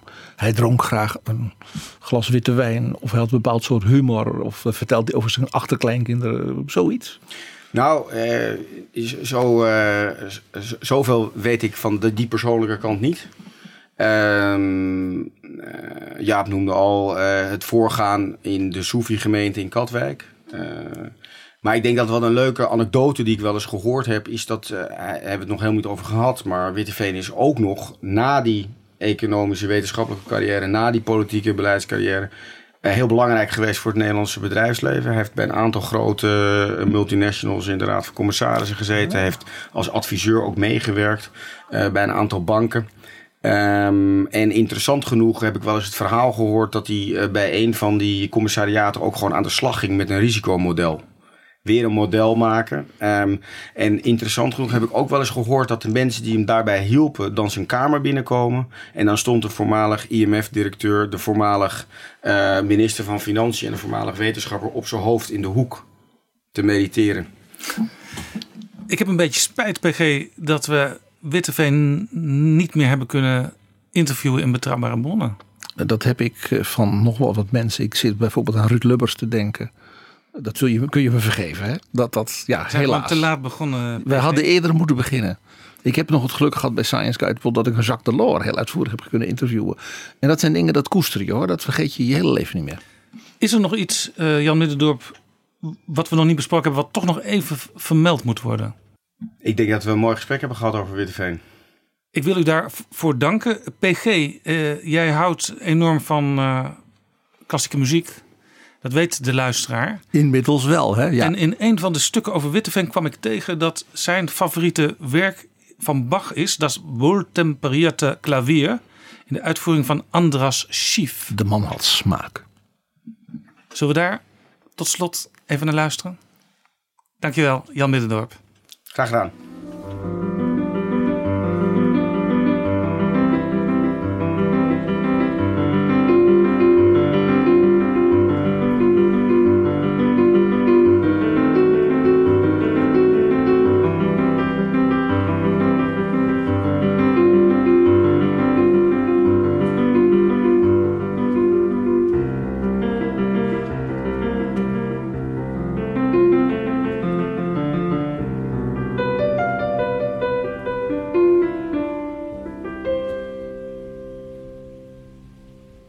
Dit is Jaap Jansen met Betrouwbare Bronnen. Van een groot naoorlogsdenker nu naar iemand die zich nog volop bekreunt over financiën, economie en sociale zaken. Hans Borslap. Hij vindt dat de kloof tussen vastwerk en flexwerk in Nederland te groot is geworden. En hij noemt het de nieuwe sociale kwestie die een aanpak vergt zoals aan het einde van de 19e eeuw het gebrek aan sociale bescherming van arbeiders en van kinderen moest worden verkleind. Vorige week verscheen hierover een rapport met de titel In wat voor land willen wij werken? Hans Borstlap is voorzitter van de commissie van wijzen die het schreef. Hij is voormalig topambtenaar van onder meer premier Ruud Lubbers en de ministers Jan de Koning, Bert de Vries en Ad Melkert. Welkom in Betrouwbare Bronnen, Hans Borstlap. Laten we meteen maar even beginnen met de vraag die u zelf stelt. In wat voor land willen wij werken? Van een groot naoorlogsdenker nu naar iemand die zich nog volop bekreunt over financiën, economie en sociale zaken. Hans Borstlap. Hij vindt dat de kloof tussen vastwerk en flexwerk in Nederland te groot is geworden. En hij noemt het de nieuwe sociale kwestie die een aanpak vergt zoals aan het einde van de 19e eeuw het gebrek aan sociale bescherming van arbeiders en van kinderen moest worden verkleind. Vorige week verscheen hierover een rapport met de titel In wat voor land willen wij werken? Hans Borstlap is voorzitter van de commissie van wijzen die het schreef. Hij is voormalig topambtenaar van onder meer premier Ruud Lubbers en de ministers Jan de Koning, Bert de Vries en Ad Melkert. Welkom in Betrouwbare Bronnen, Hans Borstlap. Laten we meteen maar even beginnen met de vraag die u zelf stelt. In wat voor land willen wij werken? Ja, over die vraag hebben we natuurlijk even nagedacht. Want je kan gelijk de techniek induiken. Dat gebeurt ook heel veel in de polder. Eén of twee jaar loondoorbetaling, moet de WW-premie variëren, allemaal heel ingewikkelde dingen. Maar wij zeggen even een stapje terug. Al die instrumenten, of je ervoor of tegen bent, hangt af van de vraag: in wat voor land wil je werken? Daar zijn echt vragen bij te stellen. Daar doen zich echt vrij forse dilemma's inmiddels voor. Als je naar buiten kijkt, ja, het gaat op zich heel goed. Hele lage werkloosheid. Op alle lijstjes internationaal scoren we goed. Competitiviteit, welvaart. Maar we volgen ook de planbureaus. Ondergronds broeit er wat. Wat niet zonder zorg is. En wat ook te maken heeft met de manier waarop we de arbeid georganiseerd hebben in ons land. Haakt dit aan bij wat Kim Putters in Betrouwbare Bronnen zei? Er zijn gele hesjes in Nederland, maar die hangen nog aan de kapstok. Alleen ze kunnen er wel afgehaald worden om de straat op te gaan. Absoluut. Ik vond het een prachtige uitspraak van hem. Überhaupt zijn de analyses van het SCP en ook het CPB, uh, ja, die verslinden wij. Dat is ontzettend belangrijk, omdat ze zeer uh, goed in beeld brengen wat er speelt en wat je zelf niet altijd ziet. Maar dat is het punt. Uh, er zijn heel veel mensen zijn bang voor wat er op zich afkomt, wat, wat er op hen afkomt met de globalisering, met de technologische ontwikkelingen. Denken niet dat hun kinderen het beter hebben dan zij. Um, er is een, een omslag gaande in de public mood, in het, in het algemeen gevoel van, te midden van alle welvaart, hè, want we staan er natuurlijk objectief heel goed voor. Maar er is iets wat Kim Putters, uh, vind ik, uh, vaak voortreffelijk weergeeft. Een veenbrand ondergronds, kijk goed. Want misschien zie je niet wat er wel is. Een gevoel van onzekerheid wat niet helemaal te definiëren is. Maar wat mensen wel uh, ja, onzeker maakt. Nou ja, het is dat gevoel van onzekerheid. Dat is van belang. En arbeid was niet lang geleden um, een, een, een, gevoel van ja, je moet je best doen. Die werkgever doet je best. En dan, dan, dan, dan uh, is dat belangrijk voor jezelf, sociaal, maar het is ook belangrijk voor de samenleving, want je produceert goederen die iedereen wil. Dat was een, een, een vast besef van zekerheid en van uh, gevoel van welbevinden. Uitgerekend op dat punt is er heel veel onzekerheid ingeslopen op onze arbeidsmarkt. Het gekke is, dat is een beetje langzaam gegaan, maar met ons rapport, met onze commissie, hebben we de OESO eens gevraagd. De OESO is de denktank in Parijs. Hè? Grote club, zeer gezaghebbend, voortreffelijke economen. Ja, die werkt ook uh, breder dan Europa. Hè? Amer ja. Amerika, Japan, Canada, dat soort landen. Nieuw-Zeeland. zijn er ook bij betrokken. Ja. Uh, waarom vraagt u eigenlijk de OESO om onderzoek naar Nederland te doen? Want wij weten toch zelf heel veel van ons eigen land? Ja, dat zou je denken. Ik denk het ook wel. Maar mijn ervaring, ik loop natuurlijk al wat langer mee in Den Haag. Laat eens een ander naar jouw land kijken. Dat heb je ook wel eens zelf, dat, dat je zelf geen goed zelfbeeld meer hebt hebt. En dat geldt misschien ook voor Nederland. En die, we hebben de jongens gevraagd, nou, kijk nou eens naar hoe wij het doen. We denken dat redelijk, maar kijk eens, vergelijk ons eens met andere landen. Ik zal u zeggen, die jongens die kwamen hier uh, met z'n drieën, vieren. En de leider was een Belg. En die zegt, ik, mag ik je even apart spreken? En ik, ik loop met hem zo weg. Hij zegt zo tegen mij, wat is er bij jullie aan de hand? Grote, grote verbazing. Hij zegt, jullie, jullie zijn het buitenbeentje in Europa. De flexgroei sinds 2002 is nergens zo groot als bij jullie. Het aantal ZZP'ers, dat is echt enorm gegroeid. En het, het, het, het gaat, laat ik zo zeggen, flexibiliteit en, en wendbaarheid op de arbeidsmarkt, dat is goed. Dat hebben we natuurlijk nodig. Alleen je kan doorschieten.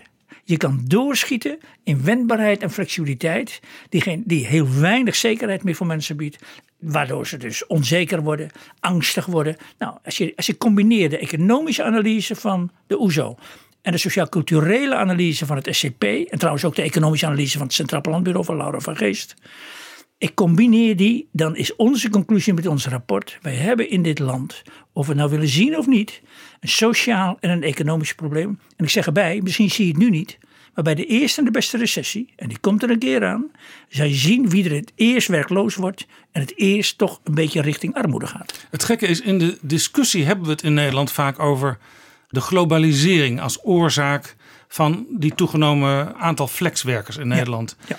Maar de OESO zegt eigenlijk, ja, dat kan niet de alles verklarende oorzaak zijn, want wij zien grote verschillen. In Nederland is het er veel erger aan toe, tussen aanhalingstekens, dan in vergelijkbare landen. Dat is een heel belangrijk punt wat u nou zegt. Uh, wij dachten ook, hè, bij een beetje oppervlakkige analyse. Nou ja, jongens, globalisering, technologische ontwikkeling, al die platformeconomieën. Je ziet ze hier in, uh, in Babylon zitten en al heel dynamisch. En dien, uh, dat, dat is. Ja, wat op zich een, een, een mooie ontwikkeling is. Ik vind het echt een mooie ontwikkeling. Want ik zie het aan mijn eigen kinderen. Ze, ze, ze zijn ondernemer. Uh, zijn heel energiek en uh, ja, daar word, ik, daar word ik blij van. Het punt is dat de OESO inderdaad zegt: luister eens even hier. Globalisering en technologische ontwikkeling, die heb je overal. Die heb je echt ook in Duitsland, België, Denemarken en op. En toch is het bij ons zo extreem. Dus zegt de OESO, en ik vind dat ook een hele behulpzame conclusie. Het is homemade, het Nederlands. Jullie hebben dat zelf met je beleid veroorzaakt. Ik schrok daar eerst van. Ik had dat eerlijk gezegd zelf niet door. Um, in die mate. En het aardige van die conclusie is ook dat je ziet dat je afwijkt van anderen en dat het dus beleidsmatig geïnitieerd is, gestimuleerd is. Dus dat betekent dat je er ook beleidsmatig iets aan kan doen. Nou, dat is, het is een tussenrapport, het is een discussienota. Eigenlijk zeggen we nou, dat zegt de OESO trouwens ook. Um, daar, moet je, daar moet je niet te lang meer mee wachten, want het gaat heel snel. Ongeveer gemiddeld een kleine 1% punt per jaar. Dus de journalisten die we vorige week gesproken hebben, die uh, waren er ook heel snel bij. Martin Visser bijvoorbeeld van de Telegraaf, die zegt, nou ja luister eens. Eigenlijk zeggen jullie in je rapport dat we over tien jaar 50-50 hebben. 50 flex, 50 vast. En bij ongewijzigd beleid denk ik dat die kans vrij groot is. Bovendien, we zitten nu in een hoogconjunctuur nog steeds. Het gaat buitensporig goed in dit land. Verbaas me wel eens om als je ziet hoe de wereld in turbulentie is. En al zo lang hoe de brexit een enorme dreiging toch is voor ook ons bedrijfsleven. Hoe de, hoe de Europese eenwording toch niet van een leien dakje afgaat. Hè, met de Italiaanse problemen. Ja, en, het nog, en, moeten, we vergeten nog het beleid van Trump ten opzichte precies. van de rest van de wereld. Wat ook voor grote problemen kan zorgen. Precies. Ik, de, de, de goede analyses van het planbureau en ook van de OESO en IMF. Als je die goed volgt, en die volgen we natuurlijk. Het is dun ijs waarop we schaatsen. En waar wij bang voor zijn is dat op het moment dat de recessie komt, de recessie, ja, die komt er. Je weet niet hoe diep die is, maar op het moment dat die komt, gaan de flexibele arbeidskrachten en de ZZP's, die komen het eerste in verdrukking. De tarieven zullen omlaag moeten, anders krijgen ze geen baan, anders krijgen ze geen werk meer. Als die groep groter wordt, nu al 40% van alle mensen die werken. Twee op de vijf. Daar moet je over nadenken in tijden dat het goed is, nu de zon schijnt, zeker ook vandaag. Altijd is de klassieke redenering, repareer het dak. Als de zon schijnt, nu hebben we het goed. Eigenlijk is ons pleidooi kabinet, kijk er eens goed naar en misschien moet je daar niet te lang mee wachten. Ja, waar het al heel erg uh, ver gevorderd is, die flexibilisering, is in mijn eigen beroepsgroep, dus de journalistiek. Er zijn overal enorme flexibele schillen. Ja. Ook bij organisaties die al tientallen jaren bestaan en nog tientallen jaren zullen bestaan. Die dus niet van de ene op de andere dag eh, een heel, veel, heel veel mensen zouden moeten lozen of zo. Nee. Ik kreeg van de Nederlandse Vereniging van Journalisten een cijfer te zien. Een journalist die vast in dienst is, die verdient gemiddeld 60.000 euro. Ja. Een freelancer 24.000 euro gemiddeld. Ja. Dat is een enorm verschil. En die freelancer die heeft dan meestal geen verzekering tegen arbeidsongeschiktheid. eh, geen pensioen, al die andere dingen die mensen in vaste dienst automatisch wel hebben. Dit cijfer kende ik niet. Het, eh, ik vind het echt, eh, echt zeer problematisch. Want dit is een oneerlijke concurrentie. Te- Want het zegt niks over de kwaliteit van deze verslaggevers natuurlijk. Hè. Ehm, in ons rapport hebben we, de OESO heeft iets anders aangegeven, maar iets, mi- iets minder eh, fors dan wat u nou zegt. Dit is wel heel groot hoor. 60.000, 24.000, dat is minder dan de helft. Ja. Weet u, ehm, wij werken in ons rapport met de analyse dat een werkgever, die moet, een, die moet iemand inhuren, die moet een klus eh, klaren. Voor die klus kan hij een vaste werknemer nemen of een ZZP'er. En de OESO heeft voor ons uitgerekend, als de werkgever voor een vaste arbeidskracht voor het werk kiest, dan kost hem dat 65.000 euro. Neemt hij een ZZP'er voor hetzelfde netto inkomen, kost hem dat 41.000. Dat Dus is, ook al een enorm is- verschil. ja. Dat is meer dan een derde Ja. verschil. Weet u, het is een beetje scheef gegroeid. Ja, een beetje. Het is flink, flink fors scheef gegroeid. Dus bij wijze van spreken iemand die een nieuw bedrijf begint, waar voor die vrij snel veel mensen nodig heeft. Ja. Maar waar, waarvan de vraag of die mensen dan heel lang daar kunnen blijven werken er los van staat. Ja. Die zal, als hij zelf kan kiezen, altijd voor losse medewerkers Ja, kiezen op dat- de dat korte termijn. Dat zie je ook. Weet u, er zijn werkzaamheden die kan je niet in een vast contract doen. Een strandtenthouder hier die gaat een bepaalde tijd contracteren voor vijf maanden. Dat is volstrekt logisch. Er zijn er meer. Op het moment dat de bepaalde contracten, dus de flexibele werk, wordt ingehuurd voor iets wat helemaal naar zijn aard niet flexibel werk is, dan doen we iets niet goed. En dat is nu echt aan de hand. En bijvoorbeeld eh, maaltijdbezorgers, want dat ja. zijn vaak jongeren die natuurlijk vaak nog studeren. Ja. Maar er worden wel ongeveer evenveel maaltijden per avond besteld. Ja, nou ja, daar kijken we natuurlijk ook naar. De, de, ik vind altijd, ja, ik, ik fiets veel in Den Haag. En dan komen die jongens met een noodvaartje voorbij, reizen door rood licht heen. En ik denk wel eens, manneke, jij hebt geen uh, arbeidsongeschiktheidsverzekering. Hè? Nou nee, dat- waarschijnlijk krijgen ze het ooit aan hun rug. Nou ja, dat soort dingen. Het is, het is ehm, ja, als je het op een wat iets hoger abstractieniveau eh, analyseert. Hè? Ik heb me eens afgevraagd, wat voor, land, in wat voor land willen wij werken? Willen wij een lage lonenland zijn? Met veel onzekerheid, ehm, werkende armoede zoals in Amerika. Ik, weet, ik geloof niet dat we het, we moeten het niet overdrijven. Zo erg is het niet met- in ons land.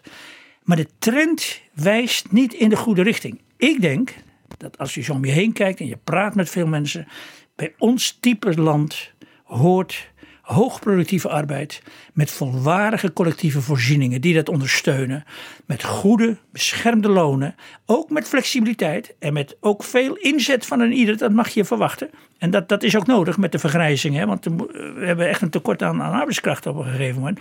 Maar dat is een type van hoogproductiviteit met ordelijke sociale bescherming, ordelijke collectieve voorzieningen.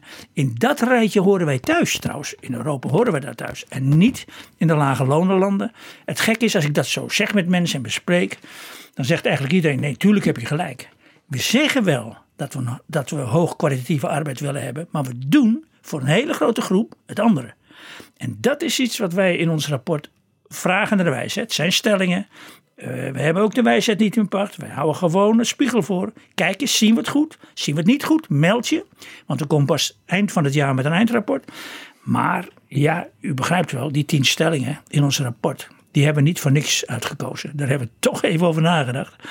En um, nou ja, ik heb alle weekendkranten natuurlijk gelezen. Ik heb het gevoel dat het herkend wordt bij veel mensen. En dat ook, uh, nou bijvoorbeeld dat uh, universele fundament hè, waar, waartoe we zijn gekomen. Misschien even nog voordat we in de details gaan, Mm.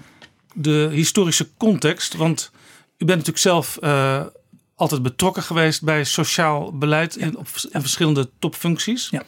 Verschillende kabinetten hebben ook grote veranderingen doorgevoerd in Nederland. Begon met kabinetten Lubbers, daarna Paars, waar Ja. heel veel ook op de schop ging. Ja. Balkenende opnieuw. Ja. Nu wordt er dus geconcludeerd door uw commissie. eh, we, we zijn misschien in de regel regelgeving, eh, of misschien zelfs in het gebrek aan regels, doorgeschoten. Mhm. Is dit vergelijkbaar met de kritiek die er bijvoorbeeld ook is op privatisering, eh, die op een aantal fronten niet blijkt te werken? En dat hadden we eigenlijk wel kunnen voorzien, als we goed hadden nagedacht. Het zou kunnen. Weet u, ik heb aarzeling bij elke ideologische, door ideologie beïnvloed beleid. Ideologie ehm, kan blind zijn voor de effecten van je beleid. En mag ik één voorbeeld geven? In, ik, ik werkte op sociale zaken ehm, bij, bij De Vries en later ook bij Ad Melkert.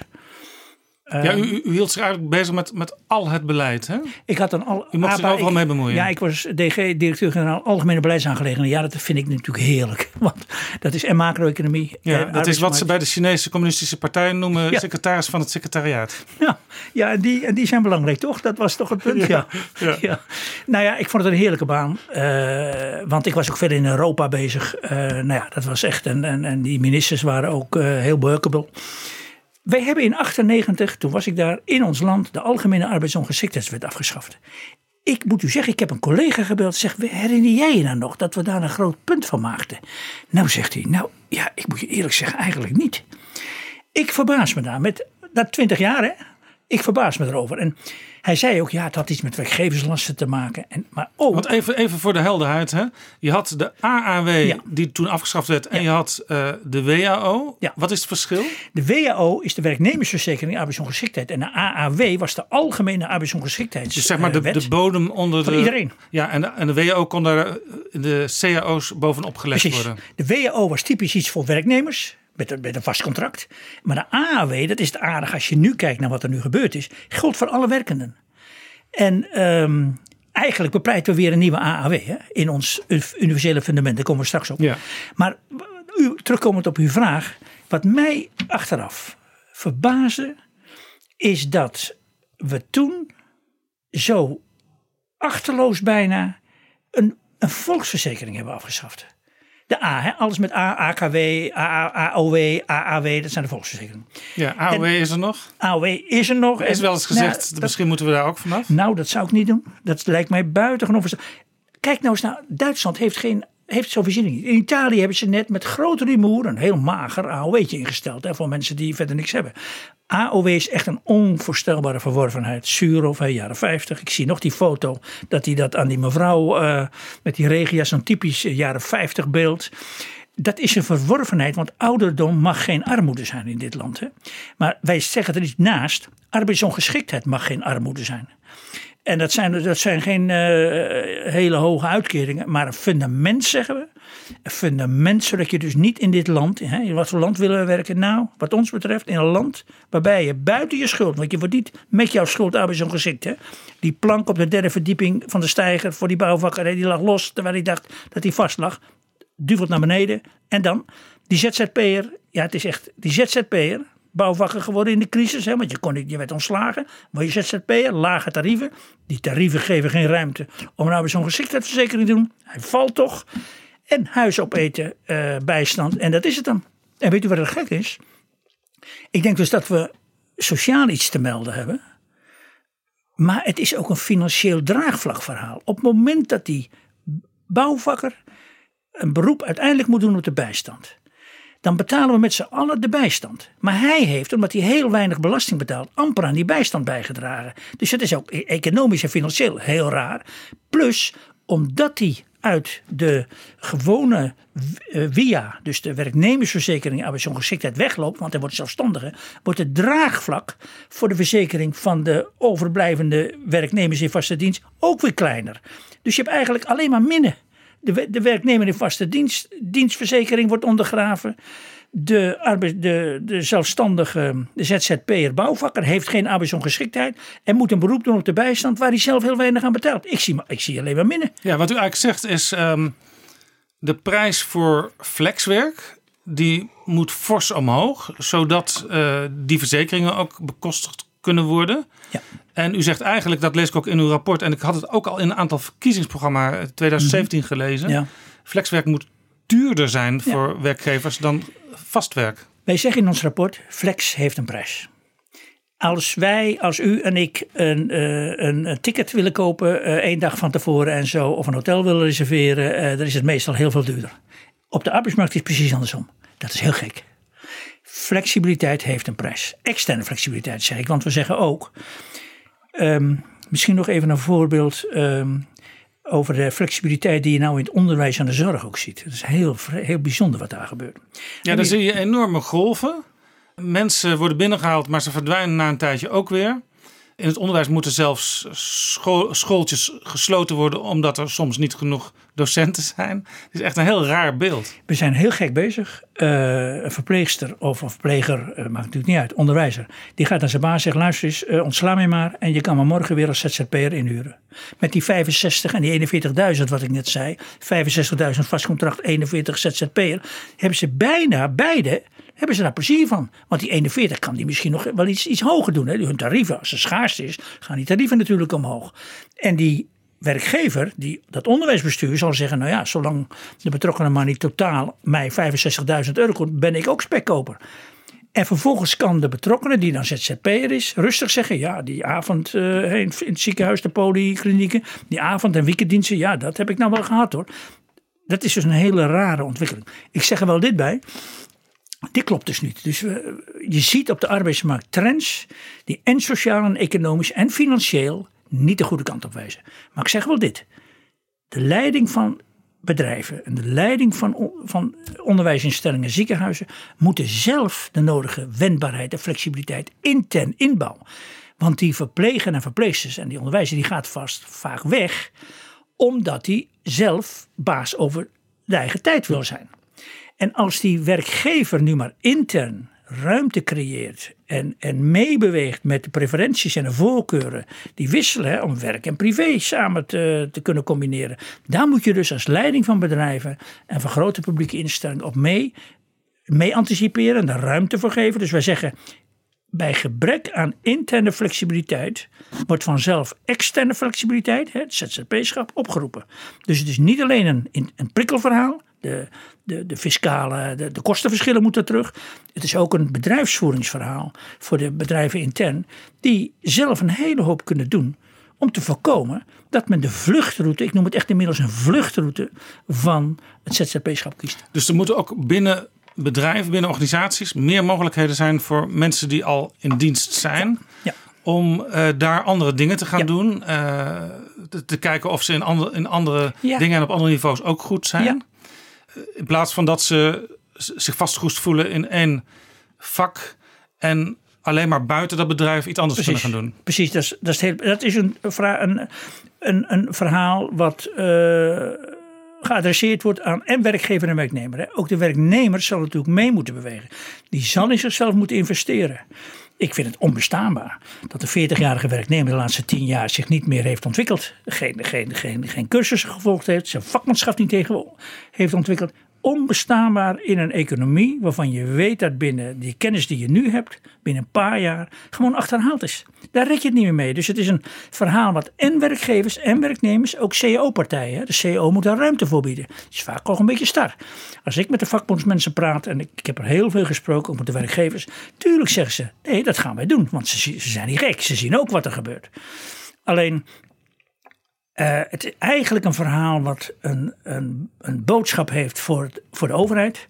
Die de foute prikkels heeft eh, geïnstalleerd. Het is voor werkgevers die de wendbaarheid mogelijk moeten maken. Het is voor werknemers die ook hun verantwoordelijkheid nemen. Ja, u noemt de vakbonden. Daarvan is algemeen bekend dat eh, de leden relatief oud zijn. Ja. Dat zijn ook de, de mensen meestal nog die al langjarig een vaste baan hebben. Ja. En eh, jongeren die, die denken vaak überhaupt niet aan vakbonden. En als ze er al over nadenken, dan, ja, dan vragen ze zich af... ja, dat zijn toch allemaal die oude mensen die voor hun oude mensenbelangen opkomen. Wat heb ik eraan? Ja. Nou, het ledenbestand, dat is ook een zorg bij de vakbeweging zelf, is, eh, ja, dat daalt natuurlijk en dat is eh, grijs. Boven de 50, 55 gemiddeld. Was ook het beeld een beetje bij het, de discussie over het pensioenakkoord. Ja. Eh, ja, die mensen daar, die oude mensen, die Ja. gaan ook over de toekomst van Ja. jongeren beslissen. Nee, dat is zeker. En dat is natuurlijk, daar hebben veel mensen zorg over. Ik kijk ook naar de resultaten. Dat pensioenakkoord is er wel gekomen. Uiteindelijk, als puntje bepaaldje komt, f- polder is stroperig hoor. Dat is Heeft negen jaar geduurd. Ja, mag, dit, de arbeidsmarkt kan niet negen jaar wachten. Zeg ik er ook wel dit bij. Dit, dit kunnen we echt niet doen. Want over negen jaar is de verhouding eh, bij wijze van spreken flex vast 50-50. Ehm, ehm, maar ehm, kijk, de rol van de, van de Nederlandse vakbeweging. Bijvoorbeeld in de cao's. De cao's, dat zijn werkgevers en werknemers het algemeen toch echt heel blij mee. Dan hoeft die individuele werkgever niet zelf nog eens over al die lonen te onderhandelen. Dus het verminderen van transactiekosten, wat we dan in het vakjaar gewoon noemen, dat is gewoon heel belangrijk. Ze zijn wel vaak dik hè, die CEO's. Vaak Die zijn te dik. 60 pagina's of Veel te meer. gedetailleerd, absoluut waar. Je moet meer naar principes dan naar concrete regeltjes. En dat je over die principes elkaar aanspreekt. Wij zeggen wel, de overheid moet met goede regels komen. En die regels zijn nu niet goed. Hè? Dus we hebben echt een verhaal naar de overheid toe. Maar werkgevers en werknemers moeten met goed, werk, goed werkgeverschap en goed werknemerschap komen. Ik was hè, vorige week donderdag bij de AWVN, het 100-jarig bestaan.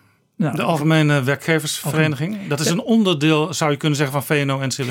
Ja, ik weet niet of ze dat zelf zo zien, want ze zijn wel behoorlijk zelfstandig. Maar ze, ze, zijn gelieerd aan het, aan het werkgeversgebeuren uiteraard. Maar de AWVN is de club die bemiddelt bij cao's. De AWVN is echt de cao-machine en ze zijn daar heel professioneel in. Want dat is gewoon, nou ja, twee standpunten. Hoe kom je verder met elkaar? Hoe vind je elkaar? Hebben ze allemaal strategieën voor ontwikkeld. Nou, dat is echt een hele mooie club. Als je dan ziet, als je dan ziet dat ehm, zij ook, nou ik geloof dat ik van acht of negen van de tien werknemers door een CAO gedekt is. En dat je langzamerhand ook als je een analyse van die CAO's maakt, het meer globale principe CAO's is. Jongens, wij gaan aan de slag, werkgever en werknemer. Waar kunnen we elkaar op aanspreken? En er gebeuren er onverwachte dingen. En dan weet je, nou we hebben dit beginsel afgesproken, dit uitgangspunt. Dat passen we nu op dat onverwachte gebeurtenis toe. En dan kom je eruit. Dat is de lijn waarin, we, waarin geïnvesteerd wordt de komende tijd. Dus ik, ehm, ja, ik moet eerlijk zeggen, als ik kijk onze situatie met de Fransen bijvoorbeeld. Eh, als je nou ook kijkt, de ongelofelijke tegenstellingen in, in het Verenigd Koninkrijk, in Amerika. Ik, vakbeweging is, ze hebben natuurlijk ook zelfzorg over ehm, het ledenbestand. Maar kijk eens even naar wat er gebeurt. Zo'n prachtig pensioenakkoord. En als een arbeidsmarktakkoord nu gevolgd kan worden. Eh, op de punten eh, nou ja, die we een beetje aangeven. Want weet je wat me opviel met ons? eh, het is een discussienota, hè, dus we doen het heel voorzichtig. jongens. Ja, u stelt vooral vragen. U heeft een aantal opmerkingen. Ja. Nog, nog even een vraag, want u noemde de werkgevers. Kijk, ik kan me voorstellen dat voor een werknemer is het natuurlijk fijn als, als hij een soort bodem heeft waarop hij kan terugvallen. Ja. Maar we constateerden net ook een werkgever die een, een nieuw bedrijf opzet. Die wil het liefst zoveel mogelijk flexkrachten, want ja, dat is toch uiteindelijk een stuk goedkoper. Wat is het belang voor Ja. werkgevers Ja. om mensen toch uiteindelijk meer te geven? Ja, nee, ik, eh, heel, die, die vraag vind ik, vind ik plezierig. Want ik weet niet of het waar is dat een werkgever alleen maar flexkrachten wil hebben. Die OESO, daarom is het ook zo'n eh, zo'n aardig rapport, geeft aan dat flexkrachten, ook ZZP'ers, verhoudingsgewijs aanzienlijk minder investeren in kennis en ontwikkeling en vaardigheden dan iemand die in vaste dienst zit. En ik begrijp dat ook. Dan ben ik werkgever. Want ze hebben er zelf geen tijd voor. En eh, werkgevers eh, denken er niet aan of vinden het maar romslomp. Werk, een werkgever, stel een werkgever heeft tien, eh, tien vaste krachten en heeft drie flexkrachten. Die vaste krachten, daar weet hij van, daar ga ik in investeren, want die zijn volgend jaar ook nog bij mij. Maar die flexkrachten, die vliegen in en uit. Daar gaat hij niet in investeren, want dan gaat hij zijn concurrent eh, faciliteren. Eh, daar wordt hij dus niet wijzer van. Dus, dus laat ik zo zeggen, ik, ik betwist de stelling dat voor structureel werk een werkgever behoefte heeft aan flexkrachten. Want dan, dan dat is veel te loszand. Het is wel zo dat, denk ik, een flexibele schil voor wisselende vraag naar je producten, dat is alleen maar logisch. Ja, maar daar zou je, daar zou je bij wijze van spreken ook een soort norm voor kunnen. Per bedrijfstak.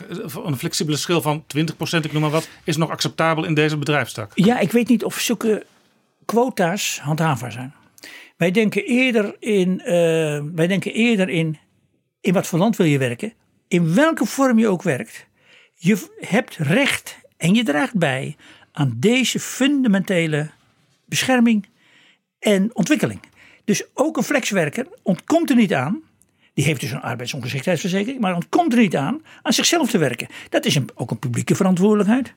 We denken, ja, het begrip ontwikkelingsbudget, hè, individueel ontwikkelingsbudget, dat is wel mooi, vind ik.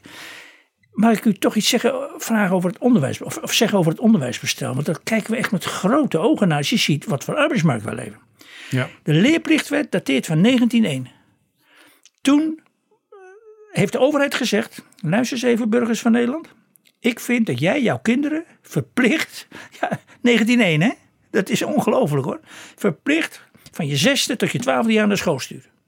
In die tijd dat je een baan had, daar kon je vrijwel altijd je hele leven bij, eh, bij werken. En dat werk veranderde ook niet zoveel. Nou, nou deze situatie. Eigenlijk is het hele onderwijsbestel fundamenteel niet. Ja, er is vier jaar bijgekomen uit mijn hoofd. Ik dacht tussen, ik dacht vijfde en zestiende jaar. En voor sommigen start kwalificatie nog iets later. Maar in ieder geval, de kern van het onderwijsbestel is: je doet dat. Je volgt onderwijs als je jong bent.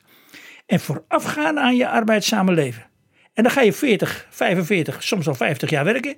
En dan is er eigenlijk niks dat een drang dat je daarna ook nog wat doet. Want Terwijl, het idee was, je bent 16, 17, 18 en je bent klaar voor de arbeidsmarkt. Va- Vaak voor één vak. Ja. En dat doe je dan 40 jaar. En dan ben je, ga je met pensioen. Zo is dat. Nou ja, met dat u het zo samenvat, is voor iedereen duidelijk. Ja, dat is eigenlijk heel raar dat we daar nog niets aan gedaan hebben.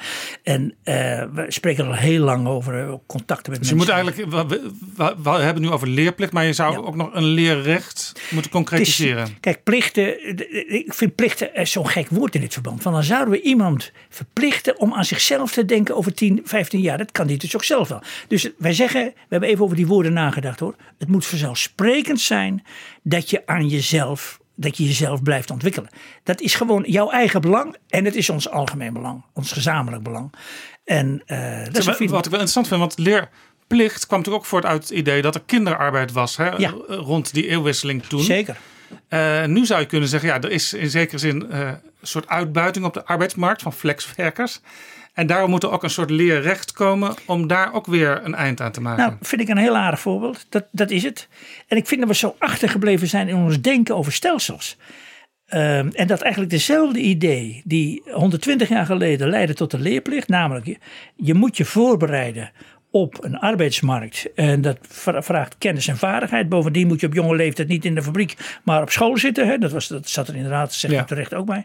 Maar diezelfde redenering, bereid je voor op het werk, betekent nu dat je niet meer alles in de beginfase van je leven voordat je werkt aan concentreren. Maar dat je het ponsponsgewijs over je hele carrière. Ik- Ik weet dat er landen zijn. Die hebben rechten bijvoorbeeld op je dertigste weer een paar maanden.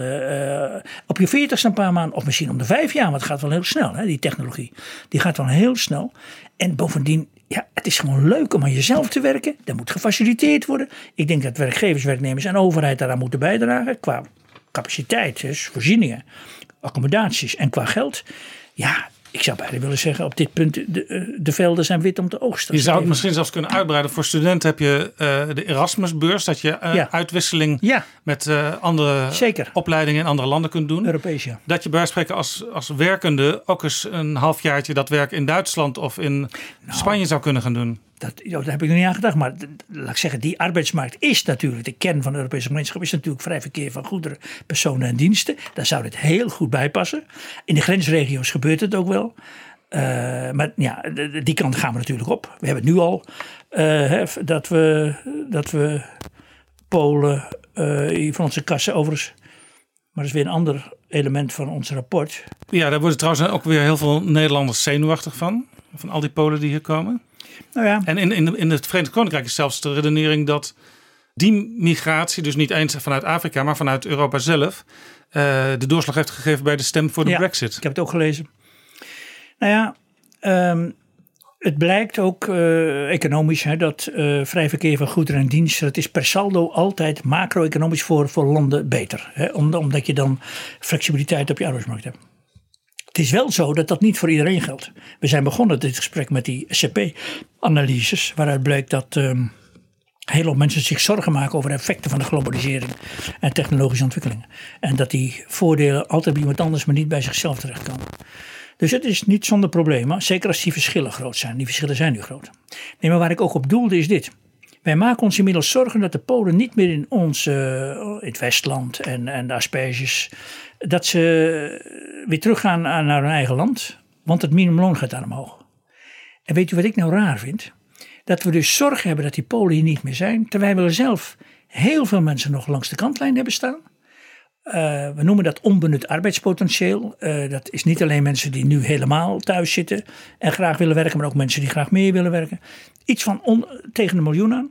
Heel veel vacatures. En we zien geen kans om die grote, dat grote onbenutte arbeidspotentieel voor een groot deel werkloosheid en die vacatures zelf aan elkaar te verbinden. Dus wat we in ons rapport ook zeggen, we moeten eens goed naar de activering sociale zekerheid kijken. Want daar is echt, daar zijn echt, ook daar zijn we dus niet op orde. Overigens, als je electoraal kijkt, interessant dat juist in de bollenstreek eh, partijen als de PVV en Forum voor Democratie, die juist heel erg altijd ageren tegen bijvoorbeeld de komst van Polen naar Nederland, Ja. daar goed scoren. Ja.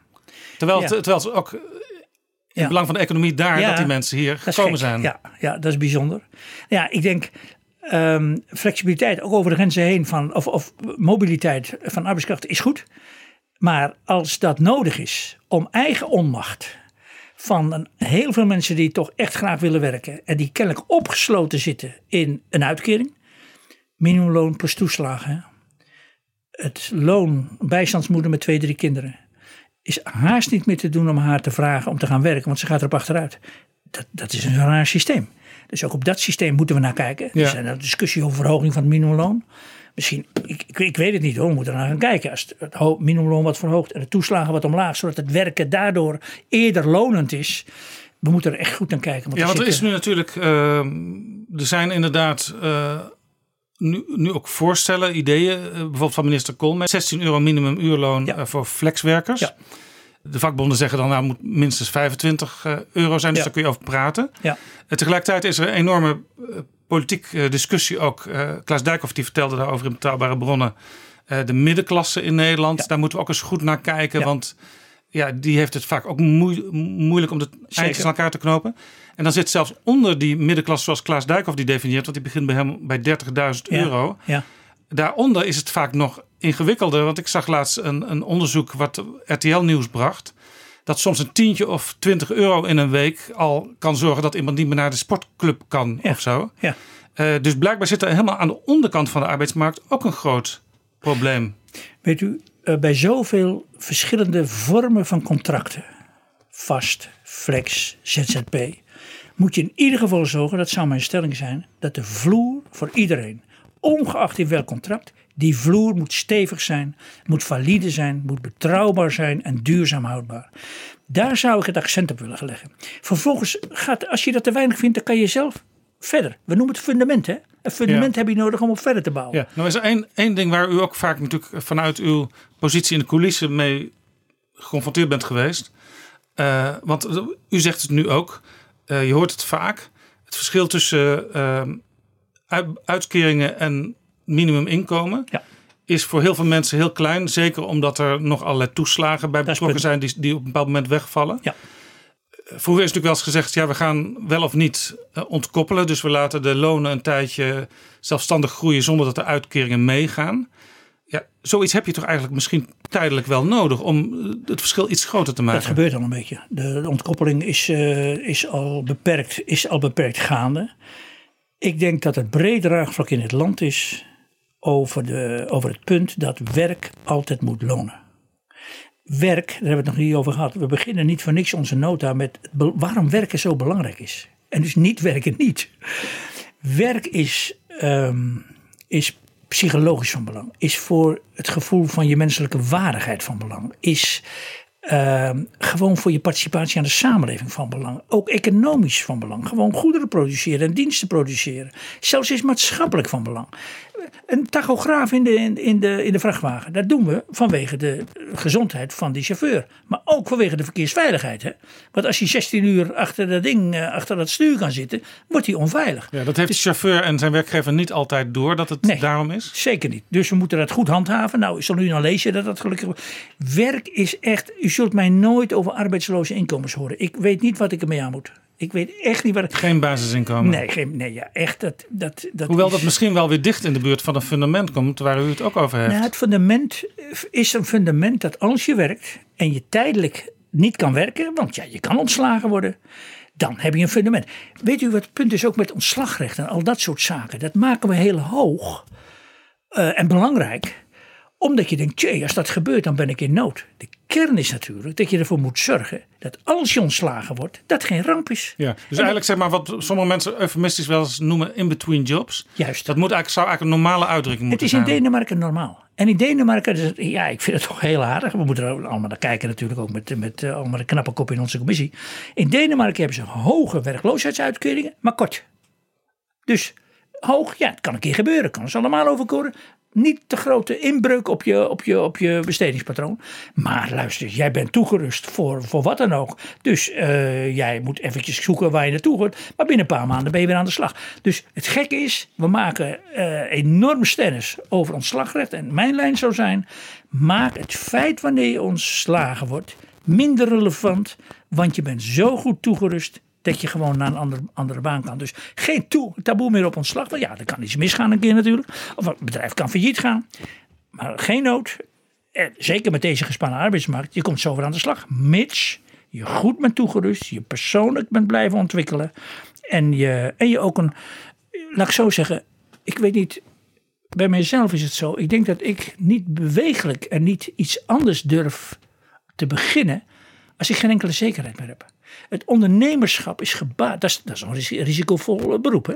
Het ondernemerschap, ook het ZZP-schap, is toch een beetje risicovol. Ik denk dat ook voor hun ontwikkeling en voor het ondernemerschap in Nederland, wat natuurlijk ontzettend belangrijk is, je in ieder geval basale, fundamentele zekerheden nodig hebt dat als er wat gebeurt met mijn risicovolle operaties, ik heb altijd iets terug om op terug te vallen. Dat, ik denk dat mensen dat ehm, ehm, toerust om het ondernemerschap te wagen. Dus het is ook, eh, ons verhaal is dus, maar dat, dat vraagt u ook niet hoor. Maar je zou bij oppervlakkige lezing kunnen zeggen: ja, dat is alle flex en wendbaarheid is, eh, is, eh, is de klos en daar, daar ben je op tegen. Het is juist andersom. Wendbaarheid en ondernemerschap vinden we prachtig. Maar met zulke grote verschillen en met zulke verschillen ook in bescherming, die wezenlijk zijn voor, voor je opereren, denk ik dat je in de toekomst het ondernemerschap alleen maar moeilijker maakt. Ja. Minister Wouter Koolmees van Sociale Zaken heeft de wet arbeidsmarkt in balans ingediend. En die is ook inmiddels aangenomen in de Eerste Kamer onlangs. Ja. Toen die gepresenteerd werd, toen zei de Raad van State al, ja, die wet is ontoereikend. Is het eigenlijk zo dat u met uw commissie de- dat ontoereikende gat nu moet overbruggen? Eh, ik denk dat minister Wouter Koolmees, gegeven het huidige systeem, niets anders kan doen dan wat hij gedaan heeft.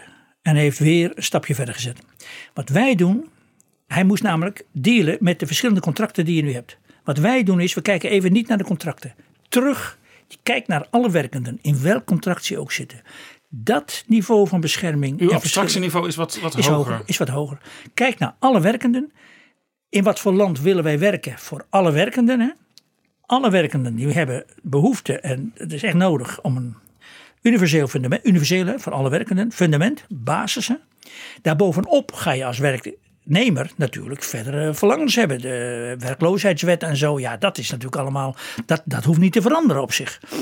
Eh, ook een zelfstandige zal zeggen, ja, dit is toch wat weinig, dat fundament. Maar ze hebben in ieder geval een fundament. Dus wij, ons, ons dat is ook ons gevraagd, ons ehm, referentiekader was een ander dan van minister Koolmees. Ons referentiekader is echt zorg voor een goed eh, fundament. Vervolgens gaan we wel kijken naar die, ja, ik zou bijna willen zeggen, proliferatie. Dus de, de, de enorme wildgroei, het is echt wildgroei geworden, van verschillende contractvormen. En we gaan op zoek naar, wat, een wet hè, we zijn een rechtsstaat. In een rechtsstaat behoren wetten kenbaar te zijn vooraf aan werkgevers en werknemers. Nou, ik denk dat als u een willekeurige werkgever vraagt, weet jij wel welke alle, alle, ken jij alle contracten die mogelijk zijn? De rechten en plichten? Geen begin aan. Ik weet ze ook niet. Ik vroeg aan de mensen aan mijn staf, jongens, zet eens op een rij de contracten die we hebben. Ze kwamen met drie vellen. Ik moest het bijna in het boekje moest je zo'n uitlegvel hebben, drie keer. En dan bovenin alle contractvormen en van boven naar beneden alle rechten en plichten. Nou, dat is geen. Dus we moeten terug. We moeten een robuust systeem hebben van arbeidsrecht, sociale zekerheid en Wat, fiscaliteit. wat vindt u eigenlijk van de enorme groei van payrolling? Ja, het is, eh, het is weer een, eh, we noemen dat het waterbedeffect. Want hè, ja, dus- ik, ik, ik, ik noem het omdat ik het zelf heb meegemaakt. Ik heb eh, in de journalistiek verschillende soorten contracten gehad. Ja. Ik heb ergens negen jaar gewerkt, ik heb ergens acht jaar gewerkt. Ja. Ik heb een aantal organisaties gewerkt waar ze jaarcontracten hadden. En die Ja. werden dan bijvoorbeeld drie keer verlengd. dat mocht, ja. Eh, maar op een gegeven moment werd gezegd, ja, we willen nog wel even met je door, maar dat gaan we via payrolling doen. Ja. Dus dat was na een aantal contracten al. Ja. En dan heb je als werknemer heb je eigenlijk wel een idee van, ja, nemen ze mij eigenlijk wel serieus, want ik ga nu toch naar, naar een wat raar systeem. Ja. Daar moet je uren gaan noteren. Ja. Je moet zelfs, eh, ik zal geen naam van de payrollbedrijf niet noemen, maar eh, lid worden van een eh, door hen zelf opgerichte gele vakbond. Oh, dat is, lijkt me strijdig met ILO. eh Oh. mogen, want verplichte lidmaatschap van de vakbeweging lijkt mij niet meer Oké, toepasbaar. ik dat ik denk dat dat niet kan. Maar. Maar in ieder geval, ehm, Ja. eh, met name in creatieve beroepen, hè, de journalistiek Ja. bijvoorbeeld, Ja. eh, wordt er heel veel met payrolling gewerkt. Waarvan ik denk, ja, is dat nou wel de manier? We gaan er naar kijken. Ik weet, ik weet het niet. Ik weet, de kunstensector is natuurlijk ook in hoge mate hierdoor, eh, hierdoor beïnvloed. Nogmaals, Ja, je wendbaarheid- kon zelfs kiezen, eh, laatst werd er mij nog een keer iets voorgelegd. Dan kon ik ook kiezen eh, of ik voor de kunstsector variant wilde kiezen. Want dat had weer een, een nog, nog lagere bescherming in feite. Maar die hield je iets meer over. Ik denk dat de creativiteit en de vindingrijkheid van eh, Nederlanders eh, heel groot is. En daar moeten we blij mee zijn, want creativiteit en vindingrijkheid hebben we nodig. Alleen, als het tot zulke grote verschillen leidt waar u mee begonnen bent, dat wist ik nog niet. hè, 61 eh, en eh 24. Ik, ik zat nog op een rustiger verschil. Vaste journalisten en freelancers volgens Ja. de NVA. Nou ja, iedereen voelt, ik bedoel, dat hoef je nauwelijks uit te leggen. Iedereen voelt voor hetzelfde werk, dit is gekkigheid. Is echt gekkigheid, het is ontspoord. Het is, het is, we zijn scheef gegroeid. Weet je wat ik het aardige vond? Hans de Boer heeft vorige week in een van de kranten... Hans de Boer, de voorzitter van VNO-NCW. Precies. Een oproep gedaan om tot een nieuw balansakkoord te gaan. En ik sprak hem, ik zeg Hans, dat woord is prima. Waarom? We zijn niet in balans. En eh, ik weet niet precies wat hij eronder verstaat, maar ik, ik volg het VNO en NCW. Ook die grote werkgeversclub ziet dat deze ontwikkelingen niet goed zijn voor dit land, niet goed zijn voor het ondernemerschap in de toekomst, niet goed zijn voor de werknemers. Dus ik heb, daarom vond ik het pensioenakkoord zo belangrijk, want als dat niet gelukt was, ja, dan duurt het weer een paar maanden voordat ze elkaar natuurlijk weer een beetje redelijk spreken. Er is een, een, een, een, een sfeer in het land, proef ik ook in de polder, van jongens, het duurt wat lang. En nogmaals, 9, 10 jaar hebben we niet, hebben we niet om de arbeidsmarkt in balans te krijgen. Hè? Daar moet echt snel iets gebeuren. Ook omdat het dagelijks nog eh, de verkeerde kant op Het gaat, wat gaat- u betreft. Precies, dat is precies wat u zegt. Ehm, en het, het- weet u, de OESO, dat is... OESO zijn knappe economen. Die overzien al die rijke industriële landen. Die zeggen in een rapport... Ik, ik, heb, ik herinner me niet dat ik dat ooit eerder van ze gezien heb. Nederland, pas op je zaak. Je, als je niks doet, nader je snel een point of no return. Dat is geen ehm dorre economentaal. Hè? Dat is een waarschuwing als ze zien. Je denkt wel dat het mooi is, maar kijk even een slag dieper. Bij de eerste en de beste, beste recessie ben je in nood en val je diep terug. Bekend is dat de volatiliteit en de bewegelijkheid. Betekent dit, want wij, wij zijn dus heel erg flexibel in Nederland vergeleken met andere landen. Zeker. Dat we ongeveer eh, tegen het Amerikaanse niveau aanzitten. Nee, dat niet. Ik denk toch dat. Nee, ik denk toch dat dat. eh, maar, maar, Maar dat je- dreigt wel als we, Ja. als we nu niet ingrijpen. Lage lonen, een paar baantjes moeten hebben om van, om van rond te komen. Dat is wel Amerikaans. Ik, dat is Anglo-Saxisch. Dat past niet bij ons. Dat willen we niet. Dat, eh, dat hoort niet bij ons. De stukloon past ook niet bij Nederland. Dat weet ik niet. Ja, nou bent u heel concreet. Eh, ja, postbezorgers bijvoorbeeld ja, die per ja, stuk ja, worden Nou ja, dat is daar ook in discussie. En, en dat kan ik me allebei voorstellen. Het gekke is, het lijkt soms de laatste twintig jaar, hè, daar spreken we over. Dat doet de OESO ook. En in een prachtige grafiekje, dan kan je het gewoon zien. Ehm, het is sluipenderwijs eh, ingeslopen. Ehm, en, maar als je, dat doen zij, als je de ontwikkeling over 15 jaar ziet, zie je dat we toch ver van huis zijn geraakt. Dat zou ik wel willen zeggen. En het is een beetje alarmerend. We hebben het ook de sociale kwestie van deze tijd genoemd. Ik viel me op in een, in een Volkskrant commentaar het weekend. Dat ze zeggen, nou ja, het is natuurlijk een groot woord. Maar we denken toch dat de commissie niet ver van de waarheid af zit. Dus het is iets wat... Het was niet een stuk geschreven door Frank Kalshoven, hè, want die zit in de, in de eigen commissie. Nee, nee, nee, nee. Dit is, die nee, nee, oh nee. Dit was een hoofdredactioneel commentaar. En columnisten schrijven geen hoofdredactionele commentaren. Eh, maar ook de Telegraaf. eh, ik, ik zou bijna willen zeggen, ja, eh, het politieke spectrum van links tot rechts. Ik vond dat wel heel bemoedigend om te lezen. Dat we, voorzichtig gezegd, misschien toch een snaar geraakt hebben. En een spiegel hebben voorgehouden. Eh, ook naar onszelf hoor, want ik had het echt ook niet door. Dus je moet ook hulp van buiten hebben, de hoezo en noem maar op. En met heel veel, we hebben met heel veel mensen gesproken. Ja, het is niet, want u zegt het politiek spectrum van links naar rechts. Ook natuurlijk niet voor niks dat vooral ook kiezers, zeg maar, die nu op de wat meer rechtspopulistische partijen stemmen, ook een heel groot gevoel van onzekerheid hebben. Dus het is, het is niet per definitie een SP-verhaal, zal ik maar zeggen, wat, u, wat u heeft. Oh nee dat, nee, dat voel ik inderdaad ook zo. Nou, ik, ik, ik ben er zelf ook nogal bij betrokken. En, eh, Ja, u bent zelf natuurlijk af- afkomstig uit het CDA. Ik ben een oude antirevolutionair, zeg ik altijd. Ik heb mijn, mijn, mijn vorming daarin geleid. Dus langzaam aan het overgaan naar het CDA toen dat, toen dat speelde. Eh, ja, ik ben grootgebracht met, eh, de, met Abraham Kuyper en de architectonische kritiek op de samenleving. Ja, en die zag natuurlijk ook al dat er dingen gedaan moesten worden, juist om mensen Ja. Wat, wat hoger op, te, op te liften, zeg Ja. maar, in Ja. de samenleving. Het gekke is, dat doe je niet alleen om sociale overweging. Nou, laat ik zeggen, menselijke arbeid is heel belangrijk voor iemands functioneren, zijn waardigheid en zijn, zijn goed voelen. Maar het heeft ook een economische betekenis. Dus laat ik zeggen, verpaupering is economisch niet, niet, niet interessant hoor. Daar kom je echt niet ver mee. Dus in de kern gaat het om de balans tussen sociale en economische dingen. En die balans klopt nu niet. En daar moeten we wat aan doen. Ja, ja en het, het, is, het is ook nogal wat dat u zegt, nieuwe sociale kwestie. Want we denken inderdaad meteen aan die donkere fabrieken waar kinderen, waar kinderen aan het werk zijn. Eh, u had het ook, u citeerde ook al Hans de Boer met zijn balansakkoord. Nou, we denken natuurlijk allemaal meteen ook aan het akkoord van Wassenaar. Ja. Waarmee eh, Ruud Zeker. Lubbers dankzij Zeker. de werkgevers en de werknemers toen onder de lijn van Wim Kok Zeker. eh, kon beginnen eh, Nederland weer eh, ja, stabiel en groeiend te maken. Dus we staan eigenlijk op een, op een kruispunt op dit moment. Nou, ik heb er natuurlijk de laatste dagen ook over ge- nagedacht. Ik begon bij, eh, op het kabinet van de minister-president te werken in 1983. toen Lubbers net dat akkoord in 82 had gesloten. Dus u werkte toen op het ministerie van Algemene, Zaken. Als raadadviseur Op van het de premier. Ja. En eh, Jan de Koning was minister van Financiën en onderruding, eh, Sociale Zaken en onderruding van Financiën. En eh, ik zat een beetje in die portefeuille, in die hoek natuurlijk. Eh, dus Dat was in, vooral in de eerste jaren heel erg het idee no nonsense. Ja. Eh, De, de, de ambtenaren die moesten in inkomen omlaag. Ja, 3%. I- iedereen, ja, precies. Iedereen moest, eh, ja, de, wat ze toen en soms nog de broekriem aantrekken noemen. Dus er het beeld was even heel somber. Maar het idee was als we dit doen, dan komen we er bovenop. Ja, en Lubbers was buitengewoon gemotiveerd. eh, ondersteund door Jan de Koning en, en Onno Ruding. Ge- ja, prachtig om daar natuurlijk met je neus bovenop te zitten. Maar ik heb met u die vergelijking met nu gemaakt. En hoe komt dat? Daarvoor had je dus kabinet Uyl en toen kabinet van Acht Wiegel. Ehm, en toen kon er een hele hoop niet. Dat was toch moeizame jaren waren dat. Ook in financiële economische zin. Eh, Frans Andriessen moest aftreden in 80. Want die zegt jongens, mijn financiën lopen eraan. Wil Alberdaal is minister van Sociale Zaken.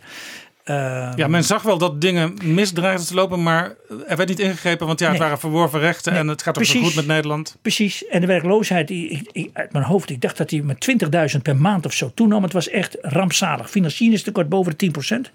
En toen kwam Ruud Lubbers met zijn no-nonsense. Heeft echt de wissel omgezet. Heeft volgehouden. En heeft toch geen slechte verkiezingen gehad in 86. Dat waren hele florissante verkiezingen. Laat Lubbers zijn karwei afmaken. Ja, dus moed en durf kan ook beloond worden. Dat moet, dat, absoluut. Ik denk, ik denk dat toen mensen wel zagen. Ja, het is misschien niet gemakkelijk, dat, die boodschap, maar het moet wel gehouden worden. Want het is een enorme erkenning van politiek leiderschap, durf. En ja, ja durf en, en in wezen ook een sociaal verhaal. Want in een, in een, dat was toen, we gingen echt een beetje failliet. Daar kan niemand werken en niemand gelukkig zijn. Ik, het is altijd gevaarlijk om parallellen met de historie te trekken. Maar ik voel wel aan dat de, de ontwikkelingen op de arbeidsmarkt nu zo snel gaan. Met aspecten die echt niet goed zijn. Nog sociaal, nog economisch. Dat eh, met zo'n pensioenakkoord. Dat heeft dit kabinet toch maar geregeld. Na, na een hele kabinet is dat niet gelukt. Dus hen lukt het wel. Dat je in de slipstream hiervan iets op de arbeidsmarkt kan herstellen. Wat gewoon is scheef gegroeid. Ik heb nog niemand gehoord die zegt: wat jullie schrijven is onzin. Dat heb ik echt nog niemand gehoord. Ehm, dat dat een draagvlak kan creëren. Om in ieder geval erkennen dat we een probleem hebben. En wij gaan tweede half jaar nu naar hoe we dat heel concreet Ja, u kunnen heeft gaan eerst al een half jaar genomen om eh, de analyse te maken. ja, ja. En met veel mensen te spreken. Heel veel, Eh, niet alleen met de bekende types als Han Nee. Busker, Hans Nee. de Boer, Mariette Hamer. Nee. Maar ook met ZZP'ers, freelancers, noem maar op. was ontzettend leuk. Want zijn, ja, die mensen houden het echte verhaal van de werkvloer. Hè. Dan, dan hoor je echt hoe het zit. En ik begrijp ook in de commentaren dat ze die me- methode stellen ze op prijs. Hè. Want zij worden natuurlijk vaak niet gehoord. Hè. Terwijl het bij hun natuurlijk het probleem zit. Ja, en, en nu zegt u, er moeten regels komen. Daar gaat u nu het komende half jaar over nadenken. Die robuust, uitlegbaar, uitvoerbaar en handhaafbaar zijn. Ja. U noemt dat een universeel fundament. Ja. Nou zijn er ook cynici die denken van ja, met name zeg maar, aan de vakbondszijde. Daar komt weer dat idee van dat mini-stelsel Ja. opzetten. En we hadden het net al een beetje over werkgevers die denken van ja, dit gaat ons geld kosten. Ja. Ja, ik denk dat het werkgevers geld gaat kosten als we niks doen. Dat is duidelijk, want die uitkeringen en die, eh, die bijstand eh, straks bij een eerste beslissing kost heel veel geld. Eh, dit een mini-stelsel noemen, dat begrijp ik werkelijk niet. Trouwens, ik, ik heb het nog niet gehoord ook hoor. We breiden het fundament uit. Met een arbeidsongeschiktheid voor iedereen en met een ehm, persoonlijk ontwikkelingsbudget voor iedereen. Nou, dat een mini-stelsel noemen. Ik vind het een maxi-stelsel hoor. Het is breed. Dus dat is één. Twee, als ik werknemer was, dan zou ik naar mijn, mijn, mijn, eh, mijn vakbond gaan. Ik zeg, luister eens, prima dat fundament, maar ik wil meer. En je krijgt ook meer. Dus ga onderhandelen in de CO. Want ik ben een vaste werknemer. Ja. Ik lever mijn... Hier blijft dus wel een verschil tussen flexwerkers en mensen die, onder blijft. CO vallen. Dat Nee, blijft. die blijft. Die, dat, je kan niet alles weg, want het, het blijft een verschil. Alleen, dat is eigenlijk de kern van wat we nu zeggen. De verschillen zijn echt veel te groot. En daar moet je echt wat aan doen. En ehm, eh, eh, ik moet ook eerlijk zeggen, dat brede fundament moeten we ook kunnen betalen. Hè? Dus we gaan dit najaar wel langs het Centraal Plan- Planbureau voor vingeroefeningen. Ehm, dus het is over het, het verwijt van ministers, ben ik absoluut niet bang. Ik, eerder het tegenovergestelde. Eh, maar Nee, dat- het gekke is in landen waar dan de, het verschil tussen vast en flex anders is dan in Nederland, waar Ja. veel meer mensen, eigenlijk de meeste mensen, in vaste dienst werken. Ja. Daar is vaak ook de sociale zekerheid minder goed geregeld dan in Nederland traditioneel. Ja, ja. Nee, we zijn echt. eh, maar we zijn echt. eh, we zitten aan de goede kant. Maar daarom is dat gevoel. Dat gevoel wat veel mensen, het SCP kom ik nou weer op. 50% die zeggen ja, zo goed als wij het hadden, krijg, krijg ik het niet meer en mijn kinderen niet. Heel hoop, eh, ik geloof dat 1 op de 7 heeft gewoon echt, is, heeft echt onlustgevoelens. Dat zijn heel veel mensen. Dus Ja. dat is gek, hè? Ogenschijnlijk lijkt het welvarend goed.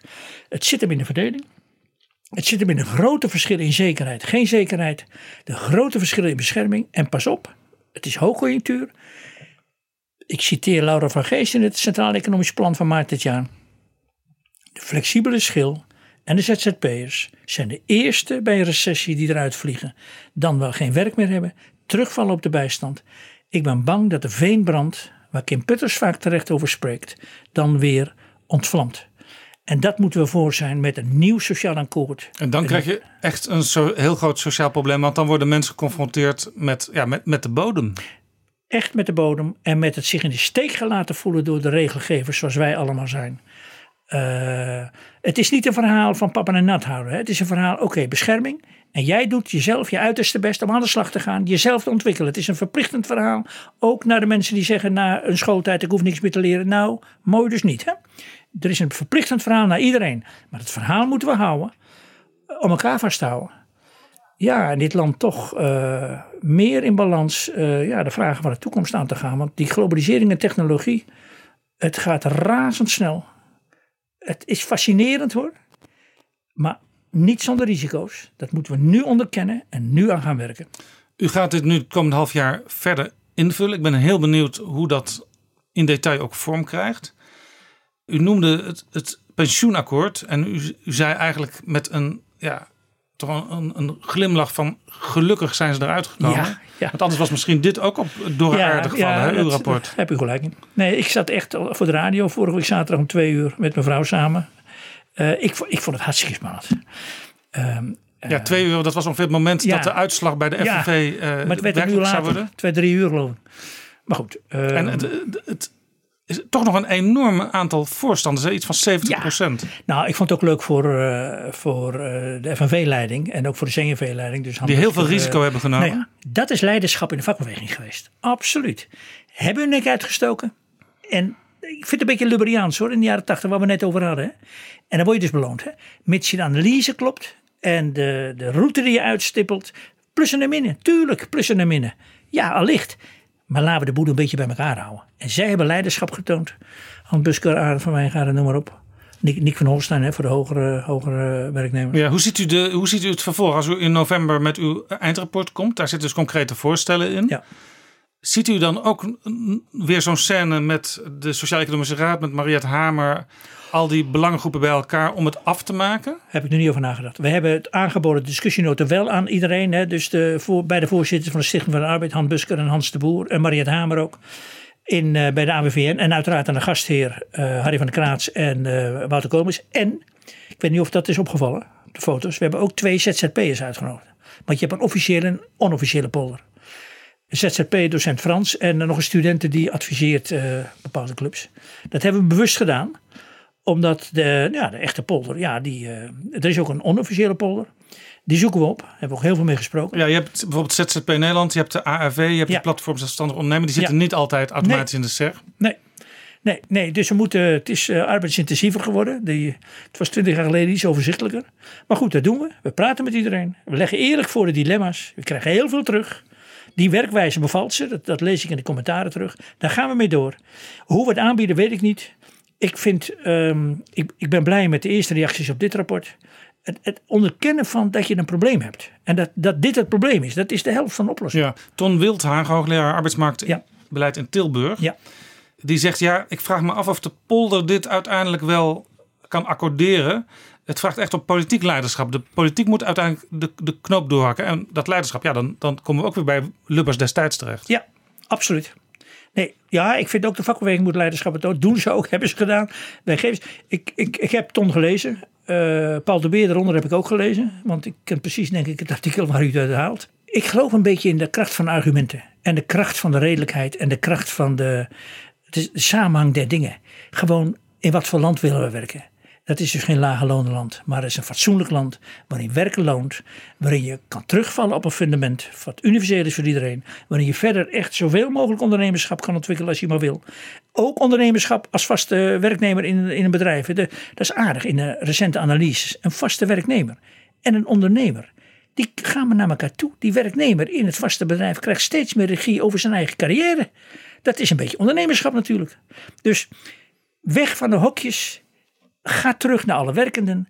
Wat hebben die nodig om goed hun En werk dus te in doen? het, in het jaarlijkse of misschien wel halfjaarlijkse functioneringsgesprek Ja. moet het niet alleen meer gaan waar het nu vaak over gaat van eh, ja, wat vind je er eigenlijk zelf van? Nee. Wij hebben nog wel wat aanmerkingen. Nee. Maar ook vooral wat zou je nog meer binnen onze organisatie willen en misschien daarbuiten en hoe Ja. kunnen we jou daarbij helpen? Zit je lekker in je huidige vak of denk je iets anders? Denk mee aan de toekomst van mijn bedrijf, want we kunnen het niet alleen. Dus maak iemand deelgenoot aan het project waarmee je bezig bent. Want een onderneming is natuurlijk een, een project wat heel fascinerend is. Ja, ik, wat mezelf altijd bij mezelf opvalt, als je ergens in gelooft, dan krijg je zoveel positieve energie ervan terug. En als ik aan dingen moet werken waar ik zelf niet in geloof, dat kost me heel veel moeite. Ja, nog, nog, nog even wat met de binnenschiet. U heeft ehm, in 2017 met Jibbe Joustra een onderzoekrapport over de Belastingdienst Ja, geschreven. zeker. De Belastingdienst die roept altijd als er nieuwe plannen zijn. Ja. Ja, dat, is niet, dat kunnen we niet uitvoeren. Eh, u gaat straks nieuwe plannen Ja. op tafel leggen. Oh. Eh, misschien moet de Belastingdienst daar ook wel iets voor doen. Mooie streekvraag. nee, maar wij, de, de belastingen zijn veel te ingewikkeld. Daar klagen ze terecht over. De Belastingdienst moet naar de Kamer zeggen: jongens, luister eens, dat kan je wel willen, maar ik kan niet uitvoeren. Moeten ze meer doen. Ja, nou dat, dat roept, roept Menno Snel nu ook steeds namens de Belastingdienst. Zelfs de Kamer een idee heeft. Ik heb laatst op hun verzoek een aantal belastinginspecteurs een, een praatje mogen houden over ons rapport en zo. Ik heb ze gewoon opgestookt. Ik zeg: luister eens, jij moet goede. Je moet, als de politiek iets vindt, moet je zeggen dat dat kan ik goed uitvoeren. Want goede, eerlijke belastinguitvoering is natuurlijk hartstikke belangrijk. En je moet zeggen als ze iets willen dat niet kan. En ik denk ook dat de Kamer geschrokken is van die analyse. En gezegd, nou ja, we kunnen wel iets verzinnen, maar dat, eh, dat moeten we niet doen. Als wij dus iets voorstellen met ons rapport in de sfeer van arbeidsrecht, sociale zekerheid en fiscaliteit, moet dat simpeler, eenduidiger, meer rechtszekerheid bieden en handhaafbaar zijn. Het moet bij spreken zelfs de, de Belastingdienst ontlasten. Het moet hem absoluut ontlasten omdat eh, we anders wel iets in Den Haag kunnen roepen. Maar je weet dat het gewoon eh, bij de handen wordt afgebroken. Want dat is niet uitvoerbaar. Den Haag heeft geen goed besef vaak van uitvoeringsdilemma's. En eh, nou, dat rapport. eh, ik, ben- ik ben er eh, echt heel gevoelig. En onze commissie is er heel gevoelig voor. Omdat we niet die beleidsmatige verantwoordelijkheid hebben. En echt kunnen adviseren. Maar iedereen weet.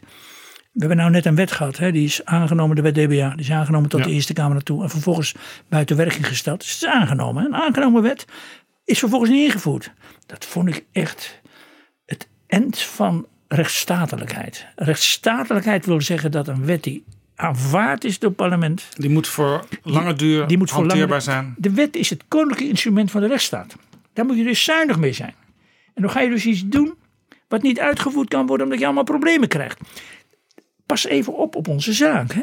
Dat is heel, ik vind dat, dat vind ik ernstig. Ja, dus u doet hier de plechtige belofte als voorzitter van de commissie Borstlab. Mhm. Wij gaan de Belastingdienst en andere diensten niet opzadelen met nog meer ingewikkelde uitvoeringsproblemen. Dat doe, die doe ik. Het moet terug, het moet simpeler, overzichtelijker, eerlijker en uniformer. Wij wachten af en ik wens u heel veel succes het komende half jaar. In november komt het rapport. Ja. Eh, dank u wel voor dit gesprek, Hans Borstlab. Zeer bedankt.